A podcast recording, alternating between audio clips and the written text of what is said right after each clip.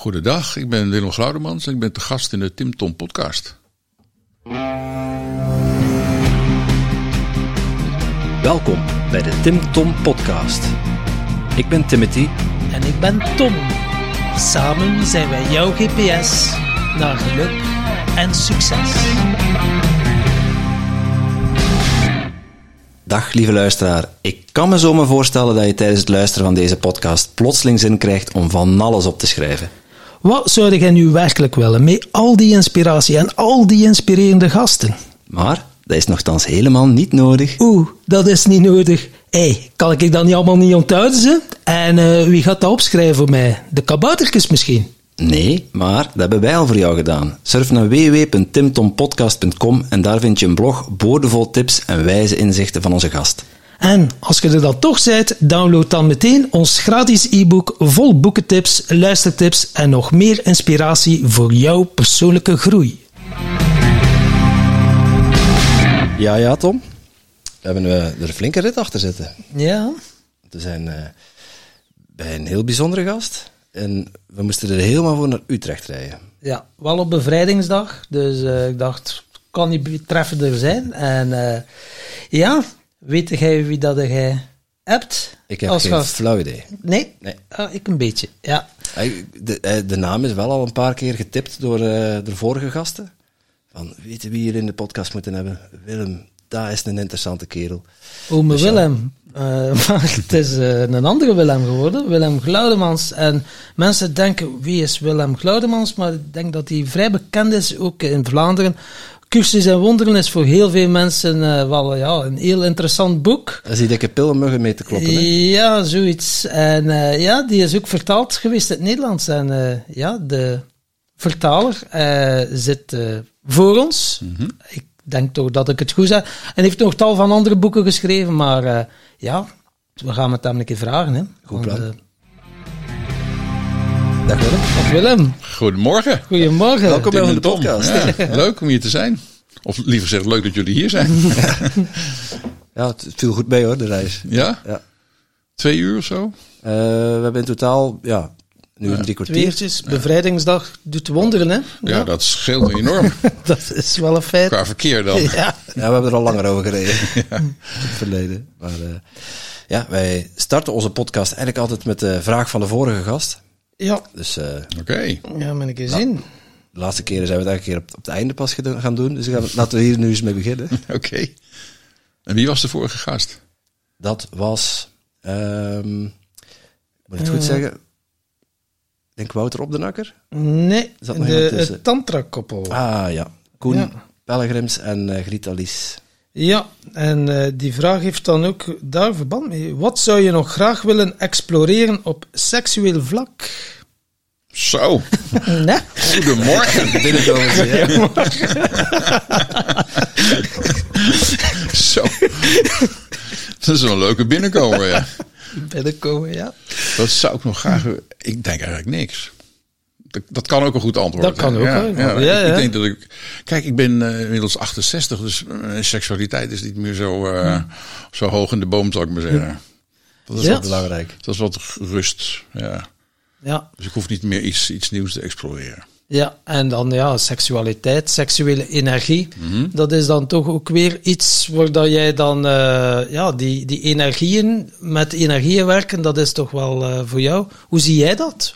Want voor heel veel mensen is dat allemaal wel vrij zweverig. Hè? Zo oh, ja, energieën, ja, ja. seksuele energie, vanaf dat woordje seks erin komt, dan denken mensen al direct van, uh, ja, voortplanting, vogelen, denken ze dan, ja dat denk ik nu, toevallig. ja, jij, jij allebei in relatie, dus... Uh... Ja, ja, ja, klopt. Maar... Uh, dus energie vind ik wel een, een interessant thema, want dat, ja. dat, dat is overal en dat kun je ook voelen. Je kunt, als je bij een bepaalde bijeenkomst bent, er zijn bepaalde mensen, dan voel je gewoon de energie daarvan. En dat vind ik wel een mooie en dat vind ik helemaal niet zweverigs, dat kan iedereen voelen. Ja. Bij de presentatie, boekpresentatie van Lumens, het tijdboek tweede deel was in, in Rosmalen in de kapel. En daar kwamen 200 mensen bij elkaar. Maar dat was zo'n hoge energie dat je echt voelde van oké, okay, hier gebeurt wat. En al die mensen worden met elkaar verbonden. En dat gaat gewoon uh, hè? Ja, ja, ja, ja, bijna het dak uit. En dat, dat zie ik in deze tijd gebeuren. Dat, dat gewoon de, de energie, de trilling wordt opgetrild. We worden allemaal in ons bewustzijn opgetrild. Dus die energie wordt hoger. En kun je daarin mee of niet? Dat is dan meestal de vraag. Ja, dat zie je wel. En uh, zo, COVID heeft er ook wel uh, iets bij geholpen, denk ik, dan Zeker, enkele jaren geleden. Uh, dat heeft echt ja. wel serieuze impact gemaakt. Om ons bewustzijn te, te helpen. Hè, zo zie ik het tenminste. Zie je daar, zie je daar een, een verschuiving? Ik, wat, ik, wat ik nu zie is dat het lijkt wel alsof alle dingen hè, die we al, al jaren mee bezig zijn en aan het zaaien zijn, dat dat nu pst, aan alle kanten heel snel omhoog komt. En je ziet het nu overal. Is gewoon, ik, ik zei het tegen Karen Hamaker op die dag van, de geest is uit de fles en die gaat er niet meer terug in. Hè, dus de, de, de, de lichtwerkers, die, die voel je gewoon, die worden naar elkaar toegedreven. Ze verbinden met elkaar. En dat, dat vind ik echt heel mooi om te zien in deze tijd. Ja. Dat maakt het ook heel stevig. Dus eh, ja, de krachten van het licht worden met elkaar verbonden. En waarom, waarom is dat belangrijk volgens jou, dat, dat mensen me verbinden? Eh, deze tijd gaat over verbinding. De vorige tijd zou je kunnen zeggen gaat meer over individualiteit en afscheiding en je eigen ding doen. En deze tijd gaat veel meer over samenwerken, samen verbinden, bij elkaar komen en een veld creëren. Hm? En dat veld creëren vind ik heel belangrijk. Dan, dan ga je zien dat is, is een tegenwicht tegen zeg maar, de andere krachten die er ook zijn. Kun je dat uitleggen? Wat, wat bedoel je met een, een veld? Een veld creëren is, ja, is een energetisch veld, een bewustzijnsveld.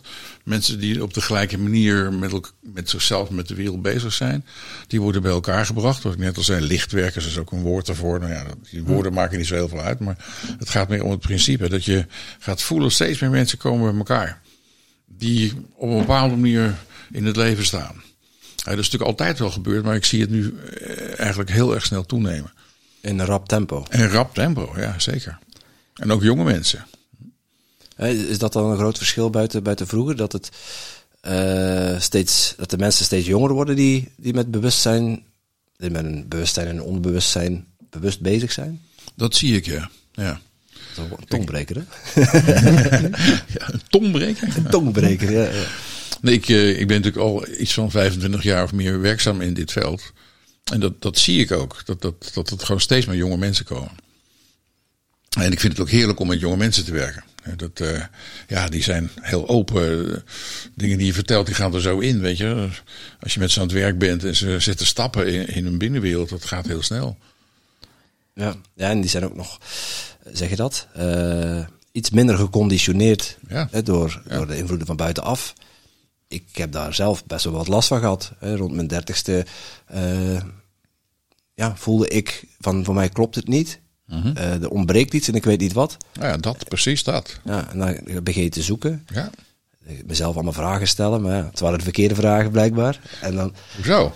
nou ja, ik, ik praatte mezelf de put in. Van, Oh, eh, oké, op die manier. ja, ik voelde me niet goed en ik voelde me niet productief genoeg. En ja, ik dacht allemaal, ja, waar ligt het nou aan? Dat is wel een goede vraag, waar ligt het aan? En dan ga je zoeken, en dan ga je op zoek. En, en toen kwam bij mij kwam Marco Pratzik op, eh, op mijn pad. En is het balletje beginnen rollen. Ben ik het pad van persoonlijke ontwikkeling beginnen bewandelen. Maar jij bent er al 25 jaar mee bezig. Nou, persoonlijke ontwikkeling al langer, maar dit is hoe ik naar buiten treed. Dat is al zeker 25 jaar. Ik ben in 85 ben ik eigenlijk daar op het pad gekomen. Toen was ik nog niet geboren.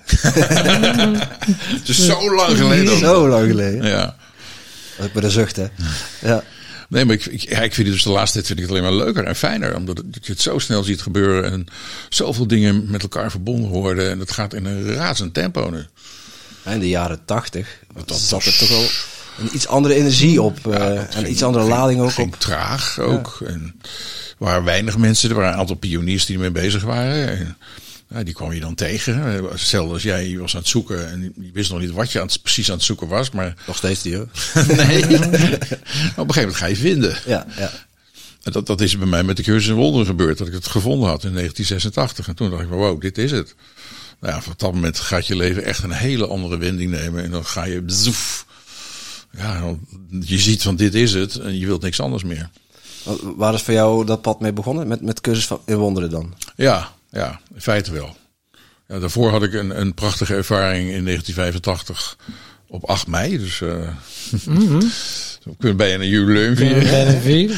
Ja. En dat, dat was dus bij, bij Kubler-Ross. In, in, uh, Elisabeth Kubler-Ross is een vrouw die uh, met sterfsbegeleiding is bezig geweest. Dat eigenlijk heeft uitgevonden. En die gaf workshops in Nederland. En ik had zoiets van, ja, ik kreeg een soort hand in mijn rug, daar moet je naartoe.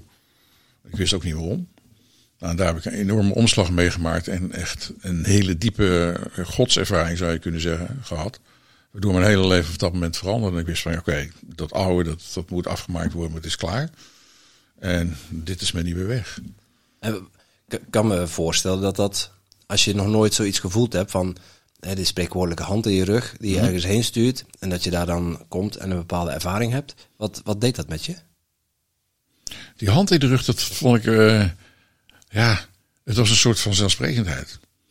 Iedereen zei, wat, wat ga je daar nou in godsnaam doen, weet je wel? Je, je bent een Nederlandicus en je zit dan tussen allerlei mensen die uit de gezondheidszorg komen. En zei, ja, dat weet ik niet, ik moet er gewoon naartoe. En meer wist ik ook niet. Maar ik had wel die hand, die duwde me gewoon van, daar moet je wezen. Ja, en daar heb ik naar geluisterd. Met uh, inderdaad interessante gevolgen voor heel mijn leven. Ja, ja. ja. Want daar, daar is het voor jou het, zaadje geplant dan? Uh, ik denk dat het al eerder was. Ik was natuurlijk al aan het zoeken al de hele tijd. Vanaf mijn zeventiende of zo. Toen, ik heb een tijdje een atheïstisch nihilistische periode gehad. En toen weer terug. Uit de katholieke kerk weg en toen dat. En toen aan het zoeken. En dat, dat, dat leidde me overal naartoe, dat zoeken. Tot ik dus een artikel over Elisabeth Kubler-Ross tegenkwam. Die ook over het leven na de dood sprak. En allerlei andere dingen. En het over unfinished business had. Dus de dingen die je met je meesleept. Die je in feite moet opruimen. Zodat je vrij kunt leven. Nou, ergens heeft dat in mij geresoneerd. Dat ik, hé, daar moet ik naartoe. Zo is het gegaan. En verder weet ik het ook niet. Nee, dan kom je daar aan. Uh, je zegt net van allerlei paden bewandeld. Ja. Van atheïsme, nihilisme, katholieke kerk achter je laten. En dan kom je bij uh, met mevrouw Kubler-Ross terecht. Ik kan me voorstellen dat dat een, uh, een hele gekke ervaring was. Nou, ik was natuurlijk wel aan het zoeken en ik had al wel wat dingen gevonden, zeg maar. He, dus ik, ik, zat al niet meer zo in dat, dat strakke. Ik, ik, ik, had al begrepen dat nihilisme ook nergens brengt. Ik heb enige tijd geloofd dat alles zinloos was. Nou, dat was maar heel kort. Mm. Want dat, dat werkte ook niet. Dus daar ben ik van teruggekomen. En daar vond ik dus iets heel anders. Er waren honderd mensen in die zaal. Dat is echt ongelooflijk. En zij ging dus met mensen aan het werk om die unfinished business te helpen naar boven te brengen. In feite het werk wat ik nu ook steeds doe. En daar heb ik dus ook gevoeld, dit zou mijn werk kunnen zijn. Ik heb zelfs tegen haar gezegd, van uh, one day I want to be one of your assistants. Zei ze, yes, we need nice, solid man. Toen dacht ik, oké, okay, nice ben ik op dit moment wel, maar solid nog niet. maar dat is dus daarna gegroeid en dat ben ik gaan doen. En dat is wel, dat, dat, dat zaad is daar geplant, ja. Om ook dit werk te gaan doen. En dan, dat was een, een seminar of zo, dat je daar um, um, gevolgd had? Een, een vijfdaagse workshop. Een vijfdaagse workshop. En dan had je, dan was het helder, of dan had je zoiets, oké, okay, nu ga ik die richting uit. Uh, wat dat ja, was ja. Ik, ik was nog met mijn proefsticht bezig, uh, over Nederlandse literatuur. Het instituut zat hier aan de, aan de overkant. En ik wist op een gegeven moment, dat is het niet. Ik, ik, mijn leven is niet bedoeld om met studenten romans en, en, gedichten te analyseren. Hoe leuk het ook is, dat is het niet. Dus dat wist ik ook. Ik wilde het wel afmaken. Maar toen was dit op mijn pad. En ja, dat wilde ik. Dus ik moest op enige manier moest ik die overstap maken. Nou, dat betekent dus eerst dat proefschrift afmaken en vervolgens met al die andere dingen bezig. En dat werd, ik werd daar heel mooi in geholpen doordat ik vertalingen mocht maken van juist spirituele boeken. Oké. Okay. Dus de dag na mijn promotie, hier in Utrecht, de dag daarna begon ik mijn eerste spirituele boek te vertalen. Dus ik heb dan nooit een dip gehad of iets. Ik dacht van, hé, gelukkig. Oké, okay, dat was de, van de ene dag op de andere ja, kon je ja, gewoon ja, uh, lekker uh, de richting uitgaan mijn, die... Mijn hart volgen. Ja. En ja, dat is ook zo'n mooie. Hè? Een dooddoener voor veel, veel mensen. Ja, ja, volg je hart, uh, je zielsmissie vinden. Hoe volg je, je je hart? Want ja, dan komt de mind erbij en dan... Ja. Hoe, hoe, hoe, merk jij dat je, dat je hart tegen je aanspreken is? Omdat er een, een bepaald heel helder idee bij komt. Zonder twijfel. Kijk, onze mind kan altijd twijfelen. Dat heb ik ook gedaan. Hè. Voor die tijd twijfelde ik aan alles. En toen na die ervaring die ik had, heb ik mijn eigen innerlijke kracht gevonden. En wist ik van, oké, okay, dit is het. En dan twijfel je niet meer. Hm. Dus als je dan een volgende stap zet, dan, dan heb je die afstemming van binnen ergens. Je, je voelt die richting, net als die hand. Voel ik dit uit mijn hart komen van nee, Nederlands moet ik stoppen, ik moet die kant op. Ja dat, ja, dat is eigenlijk niet te verklaren, maar zo, Ja. zo werkt het. Zo, zo voel je het. En bijvoorbeeld, ja, luisteraars denken nu, "Och, maar ik twijfel altijd, ik heb dat nog niet gevoeld. Dus hoe- wat kan je die als tips geven? Gewoon in stilte gaan en actief wachten tot wanneer dat er een hand komt of, eh, of dat er zo Nou. een uh, aha-moment komt. Of, Nou, eh, dankjewel, je hebt het antwoord al gegeven. Dat doet, doet hij vaker ook zo. Nee, we- we- kijk, een tip zou kunnen zijn, inderdaad, wees stil. En, en blijf goed voelen. Blijf goed voelen wat jouw hartje zegt. En dat is echt een, een energie die vanuit je hart komt en je een richting opwijst. Hm? Je kunt ook, ook gewoon letterlijk ook vragen. En dan stil zijn. En dan krijg je ook aanwijzingen. Dat, dat vind ik altijd heel typisch dat we dat zo vaak vergeten. Hè, wij noemen het dan vanuit de cursus noemen dat de Heilige Geest vragen. Dus die wijsheid en dat weten is altijd bij je. Alleen we vragen niet genoeg. Ja, en dan krijg je dus ook geen antwoord. Je moet wel vragen om een antwoord te krijgen en dan stil zijn inderdaad. En dan weet je het. Dan weet je het zonder twijfel. Dan, word je echt een bepaalde kant op geduwd. Dan weet je ook heel goed wat het allemaal niet is. Dat is ook heel belangrijk. Je hoeft op een gegeven moment niet meer alle dingen te onderzoeken die het allemaal niet meer zijn. Dat weet je. Dat hebben we al gehad. Nee, dat is het niet. Die ook niet. Dus dat gaat maar één kant meer op. Ja, heel mooi. En eh, de Heilige Geest belt, geloof ik. Ja, die hebben geen belt. Ik weet niet wie er nu voor de deur staat. Maar Het is de deurbel. dus de deurbel, ja. Ah, ja, ja. En eh, dan oké, eh, dan mag je boeken gaan vertalen. En dan kwam ook Cursus in Wonderen op je pad. Ja, die kwam eigenlijk eh, precies een jaar na Kubler-Ross kwam die op mijn pad. Eh, ik zat in een, in een regiogroep van het werk van Elisabeth Kubler-Ross. En daar liet iemand een video zien van het werk van Jerry Jampolsky. En er werd bijgezegd, ja, mm, hij is geïnspireerd door A Course in Miracles. Nou, toen zei iemand, ja, dat boek heb ik net een week in huis, zal ik een stukje voorlezen. En dat was mijn introductie. En toen had ik, ik was erg geraakt door dat werk van Jerry Jampolsky, hoe hij met kinderen met kanker werkt in de ziekenhuizen. Dus daar ging ik nou op zoek in de boekhandel om boekjes van hem te kopen. En ik kon ze eerst niet vinden. En ik liep er langs. Nou, uiteindelijk vond ik ze. En toen draaide ik me om. En daar lag A Course in Miracles op een tafel. Dacht ik, oké, dan neem ik jou ook maar mee. Ja, die kun je, daar kun je niet naast kijken. Nee, hè? het was nog in die dikke groene Arcana pocket. Dus echt nog een, en de- ik weet een boekhandelaar die zei: Ik geef garantie tot aan de voordeur, want daarna valt hij uit elkaar. Dus Zo slecht waren die boeken gebonden in die tijd. Het was echt gewoon ja, van dat krantenpapier bijna. Echt zo hele dikke. En later is het gewoon veel, ja, dat- die blauwe edities gekomen. Die waren er natuurlijk ook al, maar dit kwam uit eh, Engeland, het andere kwam uit Amerika. Dus met die ben ik naar huis gegaan. En toen deed ik hem open. En toen, wow, hier heb ik al die tijd naar gezocht. En ik heb het nu gevonden. was zo helder vanaf dat je opende. Zo van, wow. Ja, diezelfde energie kwam hier naar me toe. Oké, wauw. Die, wa- die was weer zo sterk. Die ik dus ook in, bij Kubler-Ross had gevoeld. kwam weer door me heen. Wow. En dat was zo'n bevestiging van dit is het. Dat- Dan hoef je dus niet meer te twijfelen. Ik bedoel, ja, die energie is er. Je, je krijgt die aanwijzingen zo duidelijk. Je, je hebt het boek uiteindelijk vertaald. Ja, met een hele groep. Hè. Ook zat ook Belgen in. Heel fijn. Dat was echt een fantastische groep. Elf mensen, Belgen en Nederlanders. Alles wat we nodig hadden zat erin. The- Theologen, psychologen, linguisten, alles. Want ja, de- oorspronkelijk is het in, het- in het Engels geschreven. Ja. Eh, kun, je, kun je ons wat meer informatie geven over de, de cursus en wonderen? Eh, vooral, wij hebben een keer een podcast over opgenomen in het verleden. Maar vooral voor de luisteraar die er nog nooit van gehoord heeft. Oh, oké. Wat, wat is het boek en wat heeft het met jou gedaan? Uh, het zijn twee vragen. Zullen we eerst over het boek doen? Ja, eerst over het boek, ja. Ja, Eh, het, is eh, een doorgegeven boek. En het is in 1965 begonnen, eh, tot 1972. Heeft Helen Schuckman elke dag een stuk genoteerd. Dat kreeg ze gewoon als innerlijk dictaat. En dat heeft ze opgeschreven in een, in een soort steno-handschrift wat ze kende. Want dat ging vrij snel. En wat er gebeurde was dat ze dan de volgende dag naar kantoor ging. En kwam ze Bill Tedford, haar collega. En met z'n tweeën gingen ze, ging zij voorlezen wat ze opgeschreven had. En uh, Bill tikte het uit. En dat is zeven jaar lang is dat proces zo doorgegaan. Toen hadden ze een enorme stapel ordners met deze prachtige teksten. En ze dachten, ja, wat, wat moeten we hiermee? Toen dachten ze nog, nou, is voor een paar mensen of zo, weet je. En, uh, Nou, toen uh, kwam er uiteindelijk uh, eerst een zekere Ken Wapnick op het toneel. Die met Helen nog een keer door de hele dingen is heen gegaan. Een redactie heeft gedaan. Want er zaten geen punten en komma's. Het was gewoon één doorgaande tekst. Dus dit hebben ze gewoon redactie opgepleegd. Om dat ja, publicabel te maken. Ja, met een leesbaar verhaal een te leesbaar maken. verhaal ja. te maken. En wat ik ook nog moet vertellen is dat het door Jezus is doorgegeven.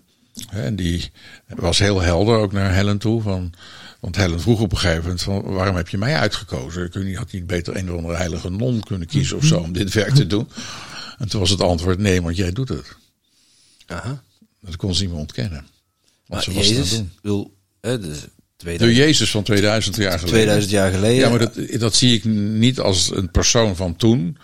Die is nog steeds, net als de Christus beginsel, is er ook nog steeds. Dus Jezus is er nog steeds. En Boeddha is er ook nog steeds. Dus dat vind ik eigenlijk een makkelijkere manier om erover te hebben. Dan dat je moet denken, oh dat was die man van 2000 jaar geleden. Hoe kan het dat hij nu iets doorgeeft?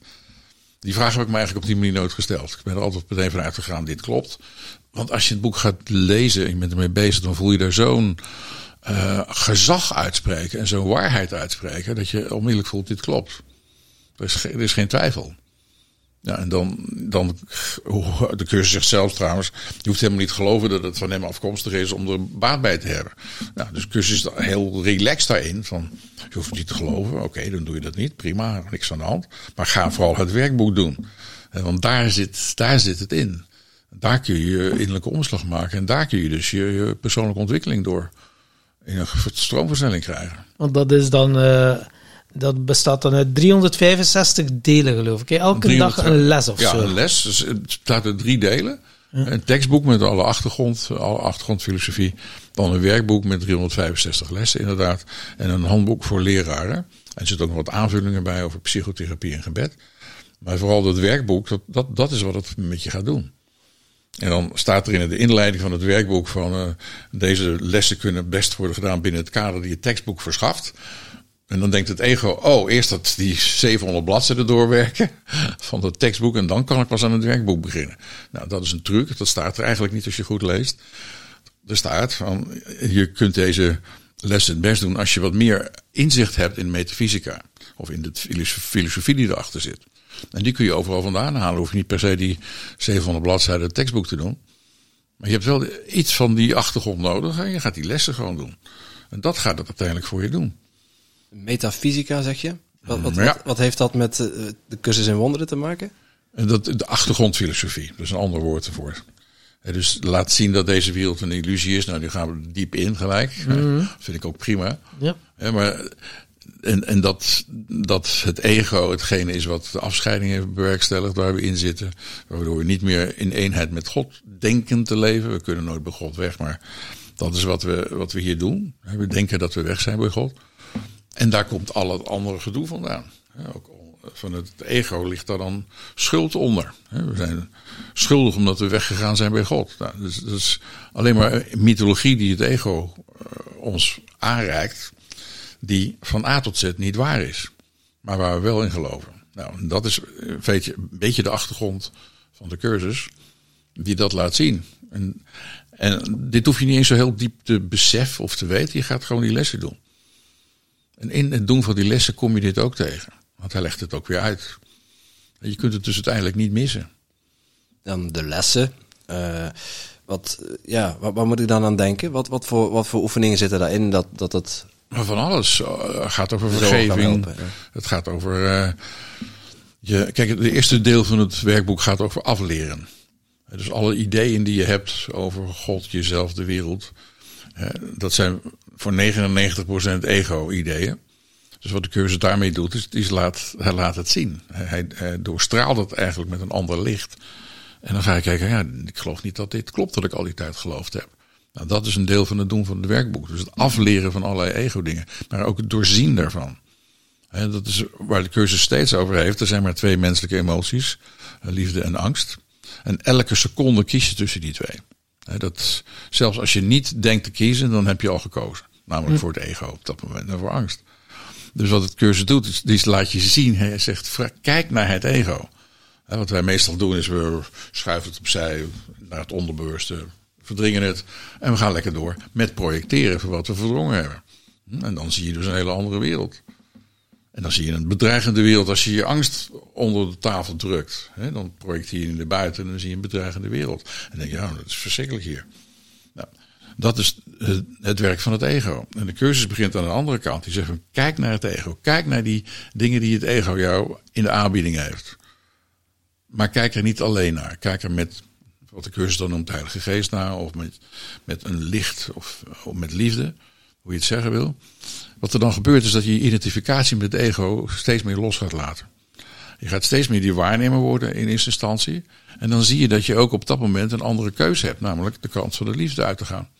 Die dus verduisterd wordt door het ego. Het ego laat niet eens zien dat je een keuze hebt. Je zegt, ik ben de enige hier, dus uh, geloof mij. nou, tot je gaat merken van, maar geloof in het ego gaat niet werken.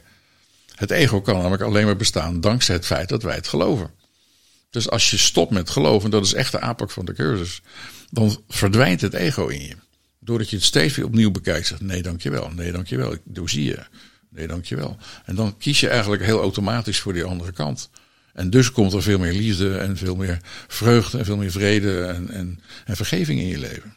En kun je, kun je het concept van het ego, zoals je, zoals je het nu omschrijft, uh, kun je dat kort toelichten? Mm -hmm. Ego betekent in mijn optiek uh, ik. Dat is de Latijnse vertaling. Latijnse vertaling voor, voor ik. En, en hij wordt in de psychologie wordt hij ook op allerlei manieren gebruikt. Ja, hij wordt op verschillende ja. manieren gebruikt. En, en dat, ik vind dat soms ja, wel goed dat je dat vraagt. Ja. Zoals de cursus het gebruikt, is het eigenlijk het idee van afgescheidenheid. En ik geef er wel eens een, een, beeld bij van. Het lijkt alsof een, een golfje in de oceaan hekje om zich heen heeft gezet. en voor zichzelf is begonnen. Nou, dat is het ego. Tegelijkertijd zie je de onmogelijkheid ervan. Het is onmogelijk. Dat, dat zegt de cursus ook heel duidelijk. Het is een onmogelijkheid die alleen kan bestaan omdat wij het geloven. Dus als je die onmogelijkheid gaat zien, dan stop je ook met geloven erin. Dus krijg je meteen een heel andere wereld. En dat vind ik eigenlijk de, de diepste weg die je kunt gaan als het gaat over persoonlijke ontwikkeling. Maar het is nog altijd een stukje van, van die oceaan. Dus het, kan ja, ik het dan zo zien dat je, je hebt er wel, we hebben allemaal min of meer wel eens last van ons ego. Het is, het is aanwezig, maar je zegt van het bestaat niet. Het bestaat niet, nee. Dus ja, voor mij voelt het een beetje contradictio in termino. Kun je dat, kun je dat toelichten? Kijk, de cursus die, die zegt het bestaat niet, maar we doen alsof het wel bestaat, zodat we het kunnen beschrijven voor je, zodat je het kunt gaan inzien, zodat je er afscheid van kunt nemen. Dus dat doen alsof, hè, dat hoor je mij dus ook zeggen, we kijken ernaar. En dan is het bestaat. Hè, dan is het bestaand iets. Maar tegelijkertijd, dat doe je om te zien en te doorzien dat het niet bestaat. Ja, dat heb je nodig eigenlijk als springplank om tot ja, het, het, is, het is paradoxaal, dat klopt. Hè? Maar het is geen contradiction in terminis. Nee. Het, het, is paradox. Het is, en dat is het, het lastige van deze duale wereld, waar dan iets non-duaals binnenkomt. Dus eenheid komt binnen in een duale wereld. Daar heb je geen woorden voor. Dat, dat, kun je niet eens beschrijven. Dat hoor je van allerlei mystici die, of mensen met een bijna doodervaring die zeggen: Ja, wat ik daar heb meegemaakt, dat is zo waanzinnig fantastisch. En één, dat kan ik niet in woorden uitdrukken. Nou, dat is het, de lastigheid van woorden. En de cursus heeft het ook. Die gebruikt duale woorden om iets non-duaals uit te drukken. Nou, dat is een tour de force. En dus heb je te maken met paradoxen. Dat kan niet anders. Ja, het is ook nog eens opgeschreven. Ja. Zwart op wit. Ja. Nog, nog een, uh, nog een dualiteit. Ja, en dan zegt hij ook nog woorden zijn hè, twee keer verwijderd van de werkelijkheid. Hè, symbolen van symbolen. Ja, dus dat zegt hij zelf ook. Van, ja, we moeten met die beperkte woorden moeten we dit proberen uit te drukken, zodat we. Hè, want ervaring, die is wel. Die, die, kijk, als er geen woorden zijn, maar ervaring. Hè, dat, dat, daar is hij ook heel helder over. Hij zegt van ja, je kunt duizend vragen stellen. Maar laat theologie je niet ophouden, zoek de ervaring. Nou, dat vind ik een hele mooie. Ja, je kunt eindeloos blijven filosoferen en, en vragen stellen en twijfelen en weet ik veel. Maar dat gaat, gaat je niet thuis brengen. dus door, door die vragen te stellen, uh, blijf je eigenlijk in de wereld van het ego zitten. Of in de wereld van de mind of de ego-mind, net hoe je het zeggen wil. En daar doorheen te gaan en, en naar de ervaring te gaan. Ik heb dus het geluk gehad dat ik die dus al in 85 gekregen heb. Zodat ik wist waar het over ging. Want anders word ik van ja, ben je die les aan doen van waar gaat dit over? Hè? Maar ik wist dus een beetje waar het, waar het over ging, dankzij die ervaring. En toen kon ik met de cursus kon ik dat gewoon helemaal gaan integreren in mijn leven. Ja, dat is een, dat is een tip die ik kreeg, ik denk ondertussen 2,5 jaar geleden. Want ik probeer, mijn, mijn mind probeert altijd alles te begrijpen. En eh, het was Dirk Oeliebrand die dat tegen mij zei van... Timothy, ja, als je het niet begrijpt, ervaar het gewoon. Ja. Ja, in, die, in, in die, er- in die ervaring ligt zoveel schoonheid en zoveel waarheid ook. Want ja, niemand kan mij vertellen hoe ik iets moet ervaren. Nee, Eh, kan ik alleen zelf ervaren. exact. Ja, en vanuit die ervaring dingen, ja, En het mooie is dat dingen, ja, zonder te willen begrijpen. precies zonder te willen begrijpen. En het grappige is, die ervaring kan weer gedeeld worden. En daar kun je ook ge- zeg maar, iets gemeenschappelijks voelen met iemand anders die eenzelfde ervaring heeft. Dat gaat niet op het niveau van woorden en gedachten, maar wel op het gebied van ervaring. En hoef je so- soms zonder iets te zeggen, kun je een ervaring delen. Ja, En dan, dan weet je gewoon, die ander zit op hetzelfde niveau, die, die trilt op dezelfde manier, ik weet niet hoe je het zeggen moet. Hè? Is een soort, soort deelgenoot van hetzelfde. Nou ja, daarin vind je dat en dat is verbinding. Dat gaat, staat haaks op het hele verhaal van het ego, die afscheiding wil. Van ik ben hier en jij bent daar, we hebben niks met elkaar te maken. Hè? En ik moet nog opletten voor jou ook, dat je me niet dadelijk onder de tafel met een mes eh, hè, enzovoort. Dat is het idee van het ego. En nu bij jou, dus ja, je hebt dat door. Maar het ego komt nog af en toe een keer piepen dan bij jou. Ja, die piept Eh, ook de- natuurlijk. Constant. En dan heb Maar, je... maar het mooie is dat je, omdat ik natuurlijk al, al 30 jaar met de cursus bezig ben, doorzie ik het vrij snel. En dan zeg ik heel snel van, nee dankjewel ego, voor je betekenisloze commentaar. Dat is mijn zin, die ik dan gebruik. prachtig. Wauw, mooi. En dan, want de cursus zegt namelijk, het ego is niet goed of slecht, het is betekenisloos. Dus alle betekenis hebben wij er zelf aan gegeven. Met andere woorden, die kun je ook weer eraf halen. En dan is het gewoon iets wat verdwijnt. Dus als het omhoog komt, eh, dat, dat gebeurt. En dan, ik weet hem, ik, ik zie hem onmiddellijk. Want je voelt meteen van, ben ik in vrede of niet? Nou, met de Heilige Geest ben je in vrede, met het ego ben je nooit in vrede. Dus dat is altijd een hele goede om dat te onders- onderscheid te maken. Ja, en als je in vrede bent, dan gebeuren er prachtige dingen. En als je niet in vrede bent, dan blijf je maar in je hoofd zo diezelfde verhalen repeteren en jezelf ongelukkig draaien. Ja, en nu mensen, ja, ik denk nu dan sommige luisteraars ja, waar is die een boek? Ik ga die direct bestellen, heel interessant. En dan, wat kan je mensen als tip geven? Oké, begin gewoon bij les 1 en weet al iets over metafysica, hoorde ik jou. Nee, dat laatste hoeft niet. Ik zeg altijd, begin inderdaad bij les 1. Sla even nog het, tekstboek over, want dan kun je in verdwalen. 700 pagina's, dan ga je nooit aan het werkboek beginnen. Als je iets erbij wil lezen, lees dan juist, dat is heel gek, het handboek voor leraren. Terwijl je net begint, denk je, ja, leraar, daar ben ik nog niet, dus laat maar zitten. Maar dat zijn juist hele mooie korte stukjes met een vraag en anderhalf, twee bladzijden antwoord. En dat geeft je ook die metafysica, geeft je ook de achtergrondgedachten. Dus, en, en laat je vooral niet wijsmaken door het ego die daar geen zin in heeft. Want als je dit echt serieus gaat doen, dan weet het ego dat hij zijn baan bij jou kwijtraakt. Dus die zal alles proberen te verhinderen dat je het echt gaat doen. Nou, dus dat doet hij op allerlei subtiele en minder subtiele manieren. Het begint vaak met allerlei bezwaren. Het ego heeft allerlei bezwaren. Het boek is te dik. Uh, het is in te veel christelijke termen. Daar was het toch net vanaf van de kerk. En dan zit ik weer in God en Heilige Geest en Jezus. Bah, dat is er ook eentje. Of er wordt alleen maar over broeders gesproken. En wat moet ik dan als vrouw? Word ik niet als zuster aangesproken? Allemaal van dit soort ego-trucs om te zorgen dat je het niet aan gaat beginnen. De taal is te moeilijk. Ook dat natuurlijk, het is niet te begrijpen. Het ego heeft allerlei bezwaren. Nou, en als je dat weet, dan kun je daar doorheen gaan zeggen: nee, dankjewel, ego, voor je betekenisloze commentaar. het gaat helemaal nergens over. Het gaat gewoon doen. En als je het gaat doen, de ervaring wederom gaat het je brengen. Hij zegt ook: je hoeft dit niet te geloven, ga het doen. En, en door het te gaan doen, krijg je vertrouwen in wat je aan het doen bent. Dan krijg je vertrouwen in dat boek. En natuurlijk zal het ego bezig blijven. Hè, want dan wordt bijvoorbeeld gevraagd op een dag dat je een bepaalde les tien keer herhaalt. Nou, aan het eind van de dag heb je het misschien vier keer gedaan. Zegt het ego, nou ja, kijk, dat is helemaal slecht. Hè? Dus morgen nog een keer. Nou, weer een keer. En dan heb je er weer vijf niet gehad. Zegt hij, nou, misschien moet je hem helemaal ophouden, want dit gaat toch niet werken. Ja. Of als je al bij les 20 bent, zegt hij, nou, je moet terug naar les 1. Je moet weer opnieuw beginnen, net een ganzenbord. Weet je, weer terug. dat is allemaal ego-gedoe. En als je dat doorziet, dan kun je er inderdaad om lachen en zeggen, oké, okay, ik, zie, ik doorzie hem. Ik doorzie wat hij aan het doen is. Hij, wil niet dat ik dit doe. En hij is best fel. Hij kan ook echt heel fel zijn. Hij, bij mij, was de truc altijd dat hij mij liet vergeten. En dan was het niet een felle protest of zo, maar een, sluipend vergeten. Dat is ook een hele handige. Dan, dan zie je hem niet zo goed. Maar op een gegeven moment ik van, wacht even, ik heb nu al een paar dagen niet gedaan. Ik voel me toch anders. Want als ik met zo'n les s morgens begon, dan had ik een hele andere dag. Maar ja, dan vergeet je dat en dan sluipt dat erin. Je bent druk met andere dingen natuurlijk. Allemaal heel belangrijke andere dingen. En op een gegeven moment, wacht even, ik voel me niet helemaal zoals ik me gisteren voelde. Wat is er aan de hand? Oh, ik heb mijn les niet gedaan. Nou ja, niks aan de hand. je kunt je schuldig gaan zitten voelen. Dat is weer de truc van het ego. En dan moet er, als er schuld is, moet er gestraft worden. Dus dan moet je de les of nog wil tien keer opnieuw doen. Of weer terug naar af. maar je kunt ook zeggen, ik ben niet schuldig. Dat is precies wat de cursus ons leert. En nu kan ik weer gewoon weer opnieuw beginnen. Want ik heb gewoon gezien.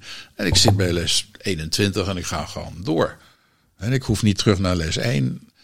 En ik ga gewoon door. En als die les niet helemaal pakt, geef niet. Ga dan wel naar les 22. Want die zegt hetzelfde weer. Je kunt uiteindelijk de boodschap niet missen. Ik, ik hoor een bepaalde. Eh, ik hoor een boodschap van, van bepaalde mildheid naar jezelf toe. als je met de cursus onder aan de slag gaat. Absoluut. Dat is voorwaardelijk eigenlijk. Om je, onvoorwaardelijk. Om, om, het is onvoorwaardelijke liefde die erachter zit. Ja, ik bedoel voorwaardelijk om je ego. Uh, oh, ja, om je ego te doorzien. Ja, ja, dat wel. Ja, die mildheid natuurlijk, als de cursus bestraffend was geweest, dan zaten we weer in hetzelfde verhaal. En dat is juist de bedoeling dat we dat verhaal kwijtraken. Ja, ik, ik ben katholiek opgevoed. En, en uh, ik had voor mezelf al vrij snel door van dit is het voor mij niet.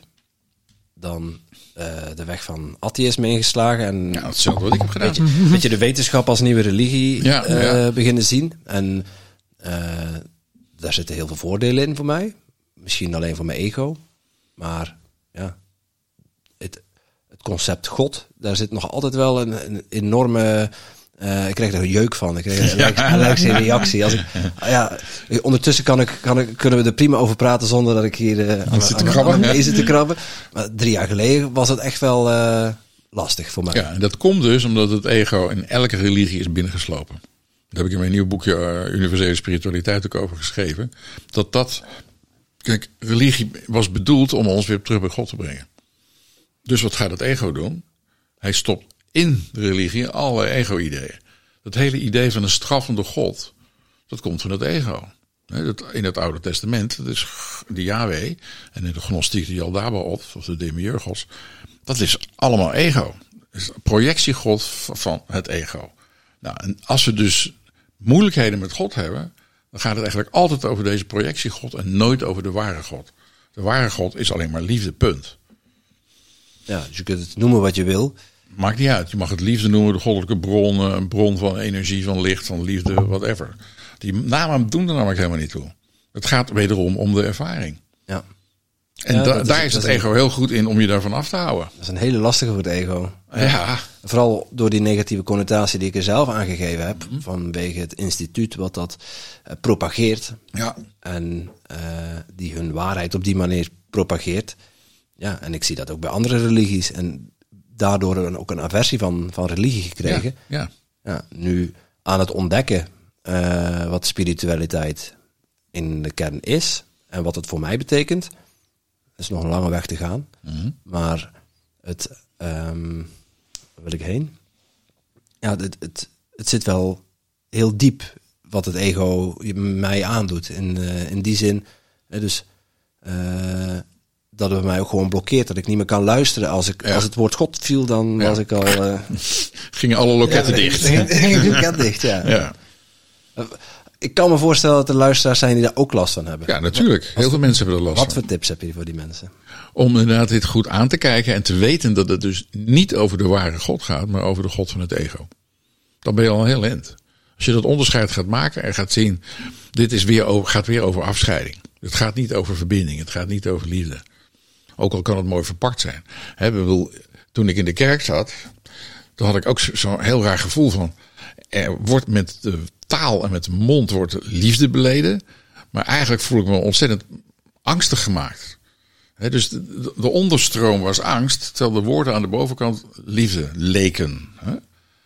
De goede uiteraard niet erna gesproken. Ik heb ook een fantastische pastoor gehad. maar dat is wat ik ging voelen. Ik van, en toen voelde ik, dit klopt niet. Maar wat dan wel? daar zit je ook echt mee. Wat dan wel? Maar je ziet van, ik krijg een dubbele boodschap. Hm? Nou, die hebben heel veel mensen ervaren die in religie. Dan weet je dus dat de ene helft van de boodschap komt van het ego. En mensen maken zichzelf of worden daartoe gemaakt spreekbuis van het ego. En gaan dan op de kansel uh, hel en verdoemenis spreken. Hm? Bijvoorbeeld. Ja, dat is allemaal ego. Als je dat gaat doorzien, dan word je heel snel helder. En dan kun je heel snel onderscheid maken tussen dit klopt niet, dit klopt niet, dit klopt niet. Ik hou me hierbij. En dat is dan vrij. De waarheid is altijd heel simpel. De waarheid is simpel. Het is liefde of het is geen liefde.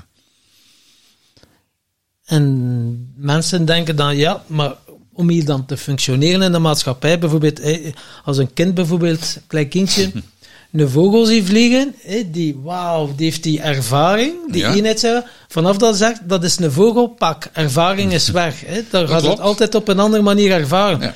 Maar dan is natuurlijk, je zit hier in die maatschappij. Je zit in een duale wereld. Zeg, ik moet de opvoeding van mijn kind even herzien, denk ik.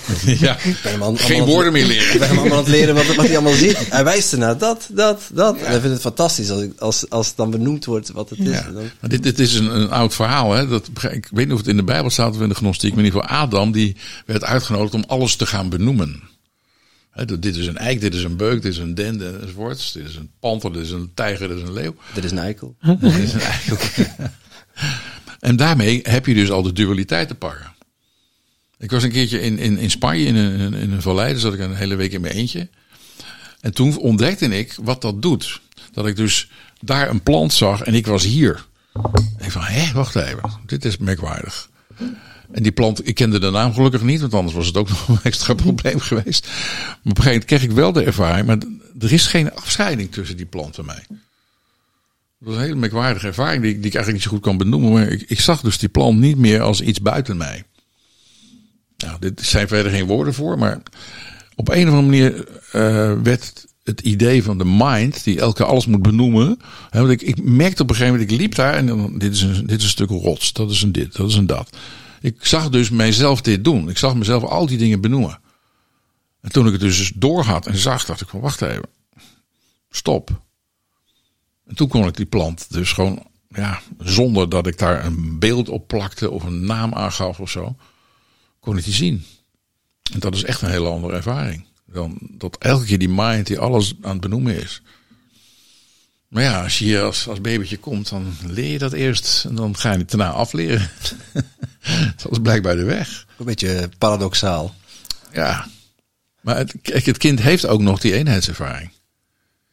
Ja, dat, ja, ja. Ik, ik, ik snap zeker ook, wat je zegt. Ja. ja. Je ziet dat. En je voelt dat ook. Dat hij dat ervaart. Ja. Of zij. Of onzijdig. Maar ja, ja je, je kunt dat ik kan dat ook. Ik kan er nu kan ik dat zeggen, omdat ik nu zelf papa ben. Uh, ik kan dat voelen in zijn, eh, samen met hem. Ja. Als we gaan wandelen buiten en hij is naar, uh, naar een vogel of zo aan het kijken. Hij zit, zit gewoon stil in zijn, in zijn, in zijn wiegje. Zit hij gewoon uh, in en weer te kijken. Ja. Verwonderd. Verwonderd, verwonderd van precies. hoe prachtig alles is. Wat is dit voor een wereld? Ja. Zo, ja. Ik had, het mooie, ik had zo'nzelfde soort ervaring uh, op een uh, live initiations reis die ik gedaan heb met Dirk Oliebrand in Frankrijk. Mm -hmm. we gingen, s'morgens gingen we uh, een grot in en ja, mijn, um, het leergierige jongetje in mij wil, wil altijd alles weten en, en begrijpen. En er was een gids bij die ook uitleg aan het geven was. Hij liep voorop. En ik voelde me daar gewoon echt gewoon niet op mijn gemak. Terwijl ik normaal uh, bijna aan zijn, uh, mm -hmm. aan zijn jas zou trekken van leg eens uit uh, voel ik die behoefte daar niet. Kijk. Dat was een hele gekke ervaring. Ik, het was ook worstelen voor voor in de groep. Het was met de hele groep dat we de grotten gingen. Je hm. moet allemaal één voor één. Was het voetje daar en daar vast. En ik dacht van, wat maken die mensen zich druk om? Dit is toch niet eng, dit is leuk. Dit is een hm. speeltuin. -hmm. Dus ik ben uiteindelijk van achter in de groep gaan, uh, gaan hangen. Dat je, ja, dan kon ik echt ervaren hoe mooi en hoe intens. En dan kon je de gids niet meer horen. Nee, dat was allemaal prima. Heerlijk, ja. Ja. Dan kon ik het echt loslaten. En, en daar heb ik echt zo'n eenheidservaring ervaren. Niet dat ik dat in woorden kan uitdrukken. Uh, nee, dat kan ook niet. ik kan het niet proberen. en, mooi. Ja, die, en, en, dat delen we. Hetzelfde zie ik nu bij, bij, uh, bij Anne, bij mijn zoontje. Ja. Mooi. Ja, en, en dat is heel mooi dat je dus ziet dat hij nog in die staat van eenheid verkeert. Ja. En, en uiteraard, hij gaat ook die tweeheid ervaren. En dat, dat, dat ga je hem ook aan, aan leren. Ondanks het feit dat je dat niet zou willen, gebeurt het toch. Ja. En nu al met woordjes en straks met andere dingen. Hier moet je voor oppassen, weet je wel. Nou, de cursus zegt op een gegeven moment echt iets heel moois over opvoeding. Van, ga niet het kind leren wat hij allemaal niet moet doen. En alle redenen daaromheen. Als je dit doet, dan gebeurt er dat. Kijk uit, kijk uit. Hij zegt, doe alleen dit. Dat is een hele andere aanpak van, doe alleen dit. Dan ga je je kind dus iets anders geven. Van, dit mag je doen. En als er iets gevaarlijks is, als hij het zijn hand naar uh, gas vanuit uh, uit wil strekken, dan kun je zeggen: Oké, ik pak even jouw handje en ik laat je voelen dat het daar warm is. En dan weet je het ook. Ik ga jou niet verbieden.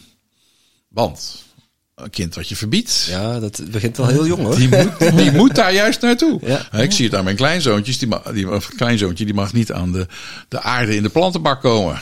Nou, wat denk je waar hij elke keer op toe is? Goed luck. Die is zich uh, daar naartoe aan het werken elke keer. Ja. En dat vind ik ook heel komisch. Hè? Dan probeert hij dat elke keer weer. En dan gaat hij zich optrekken en dan kijken. Even kijken of, of, de, of die gezien wordt. Precies. Als hij niet dat. gezien wordt, dan... Oké, nee, als je even de camera bent, dan zit hij erin. Ja. Ja, ja. ja, dat doen ze het liefst. Ja, dat, dat, ik merk ook dat dat niet werkt. Maar aan de andere kant heb je ook wel iets als eh, dingen zijn levensgevaarlijk. En zorg ervoor dat hij uh, zijn tweede levensjaar niet haalt. Tuurlijk. Ja. Dat, dat is ook je taak als ouder. Ja. Dus je waarschuwt hem ook bij het oversteken straks en zo. Dat ga je hem leren. Maar dat is wat anders dan dat je de angst in pompt. Nee, dus het is nodig om te functioneren.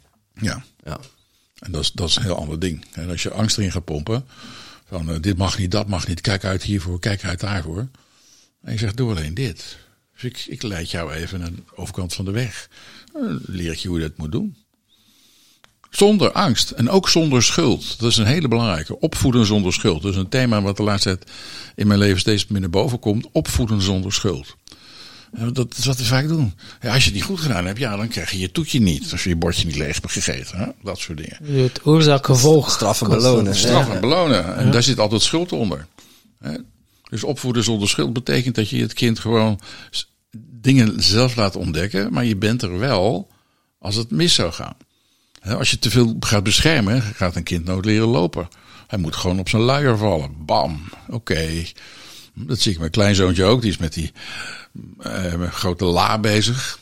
Dan doet hij open, dicht, open, dicht. Tot zijn vingers ertussen zitten. Ja. Tot zijn vingers ertussen zitten. Heerlijk. Ja. ja, het doet wel pijn. Het doet bij mij ook pijn om het te zien. Maar ja, ja, het is wel een mooie ervaring voor hem. Exact. Dus je gaat het niet verhinderen. Je gaat hem troosten daarna, dan heeft hij het zelf geleerd. Kijk, natuurlijk een aantal dingen niet. Als je weet van nou, je kan niet aan dood gaan. Als er daar pillen liggen of zo. Dan zeg je nee, dat doen we niet. Maar andere dingen kun je hem gewoon laten ervaren. En dan ben je er. Je troost hem. Je zet hem weer op zijn pootjes als hij omgevallen is. Maar verder niet. Ja, simpel. We en... dwalen een beetje af, want we ja. zaten bij de cursus van wonderen. Ja. Maar, maar dit hoort er ook allemaal bij. Het hoort erbij, ja. ja. Want ik denk wel, ja, als kind is het wel makkelijker om dingen te gaan ontleren dan als volwassenen. Want al die objecten of betekenis dat wij aan dingen hebben gegeven, je hebt dus zo, oké, een afgesproken realiteit, oké, dat is een glas, dat is wel makkelijk om te communiceren.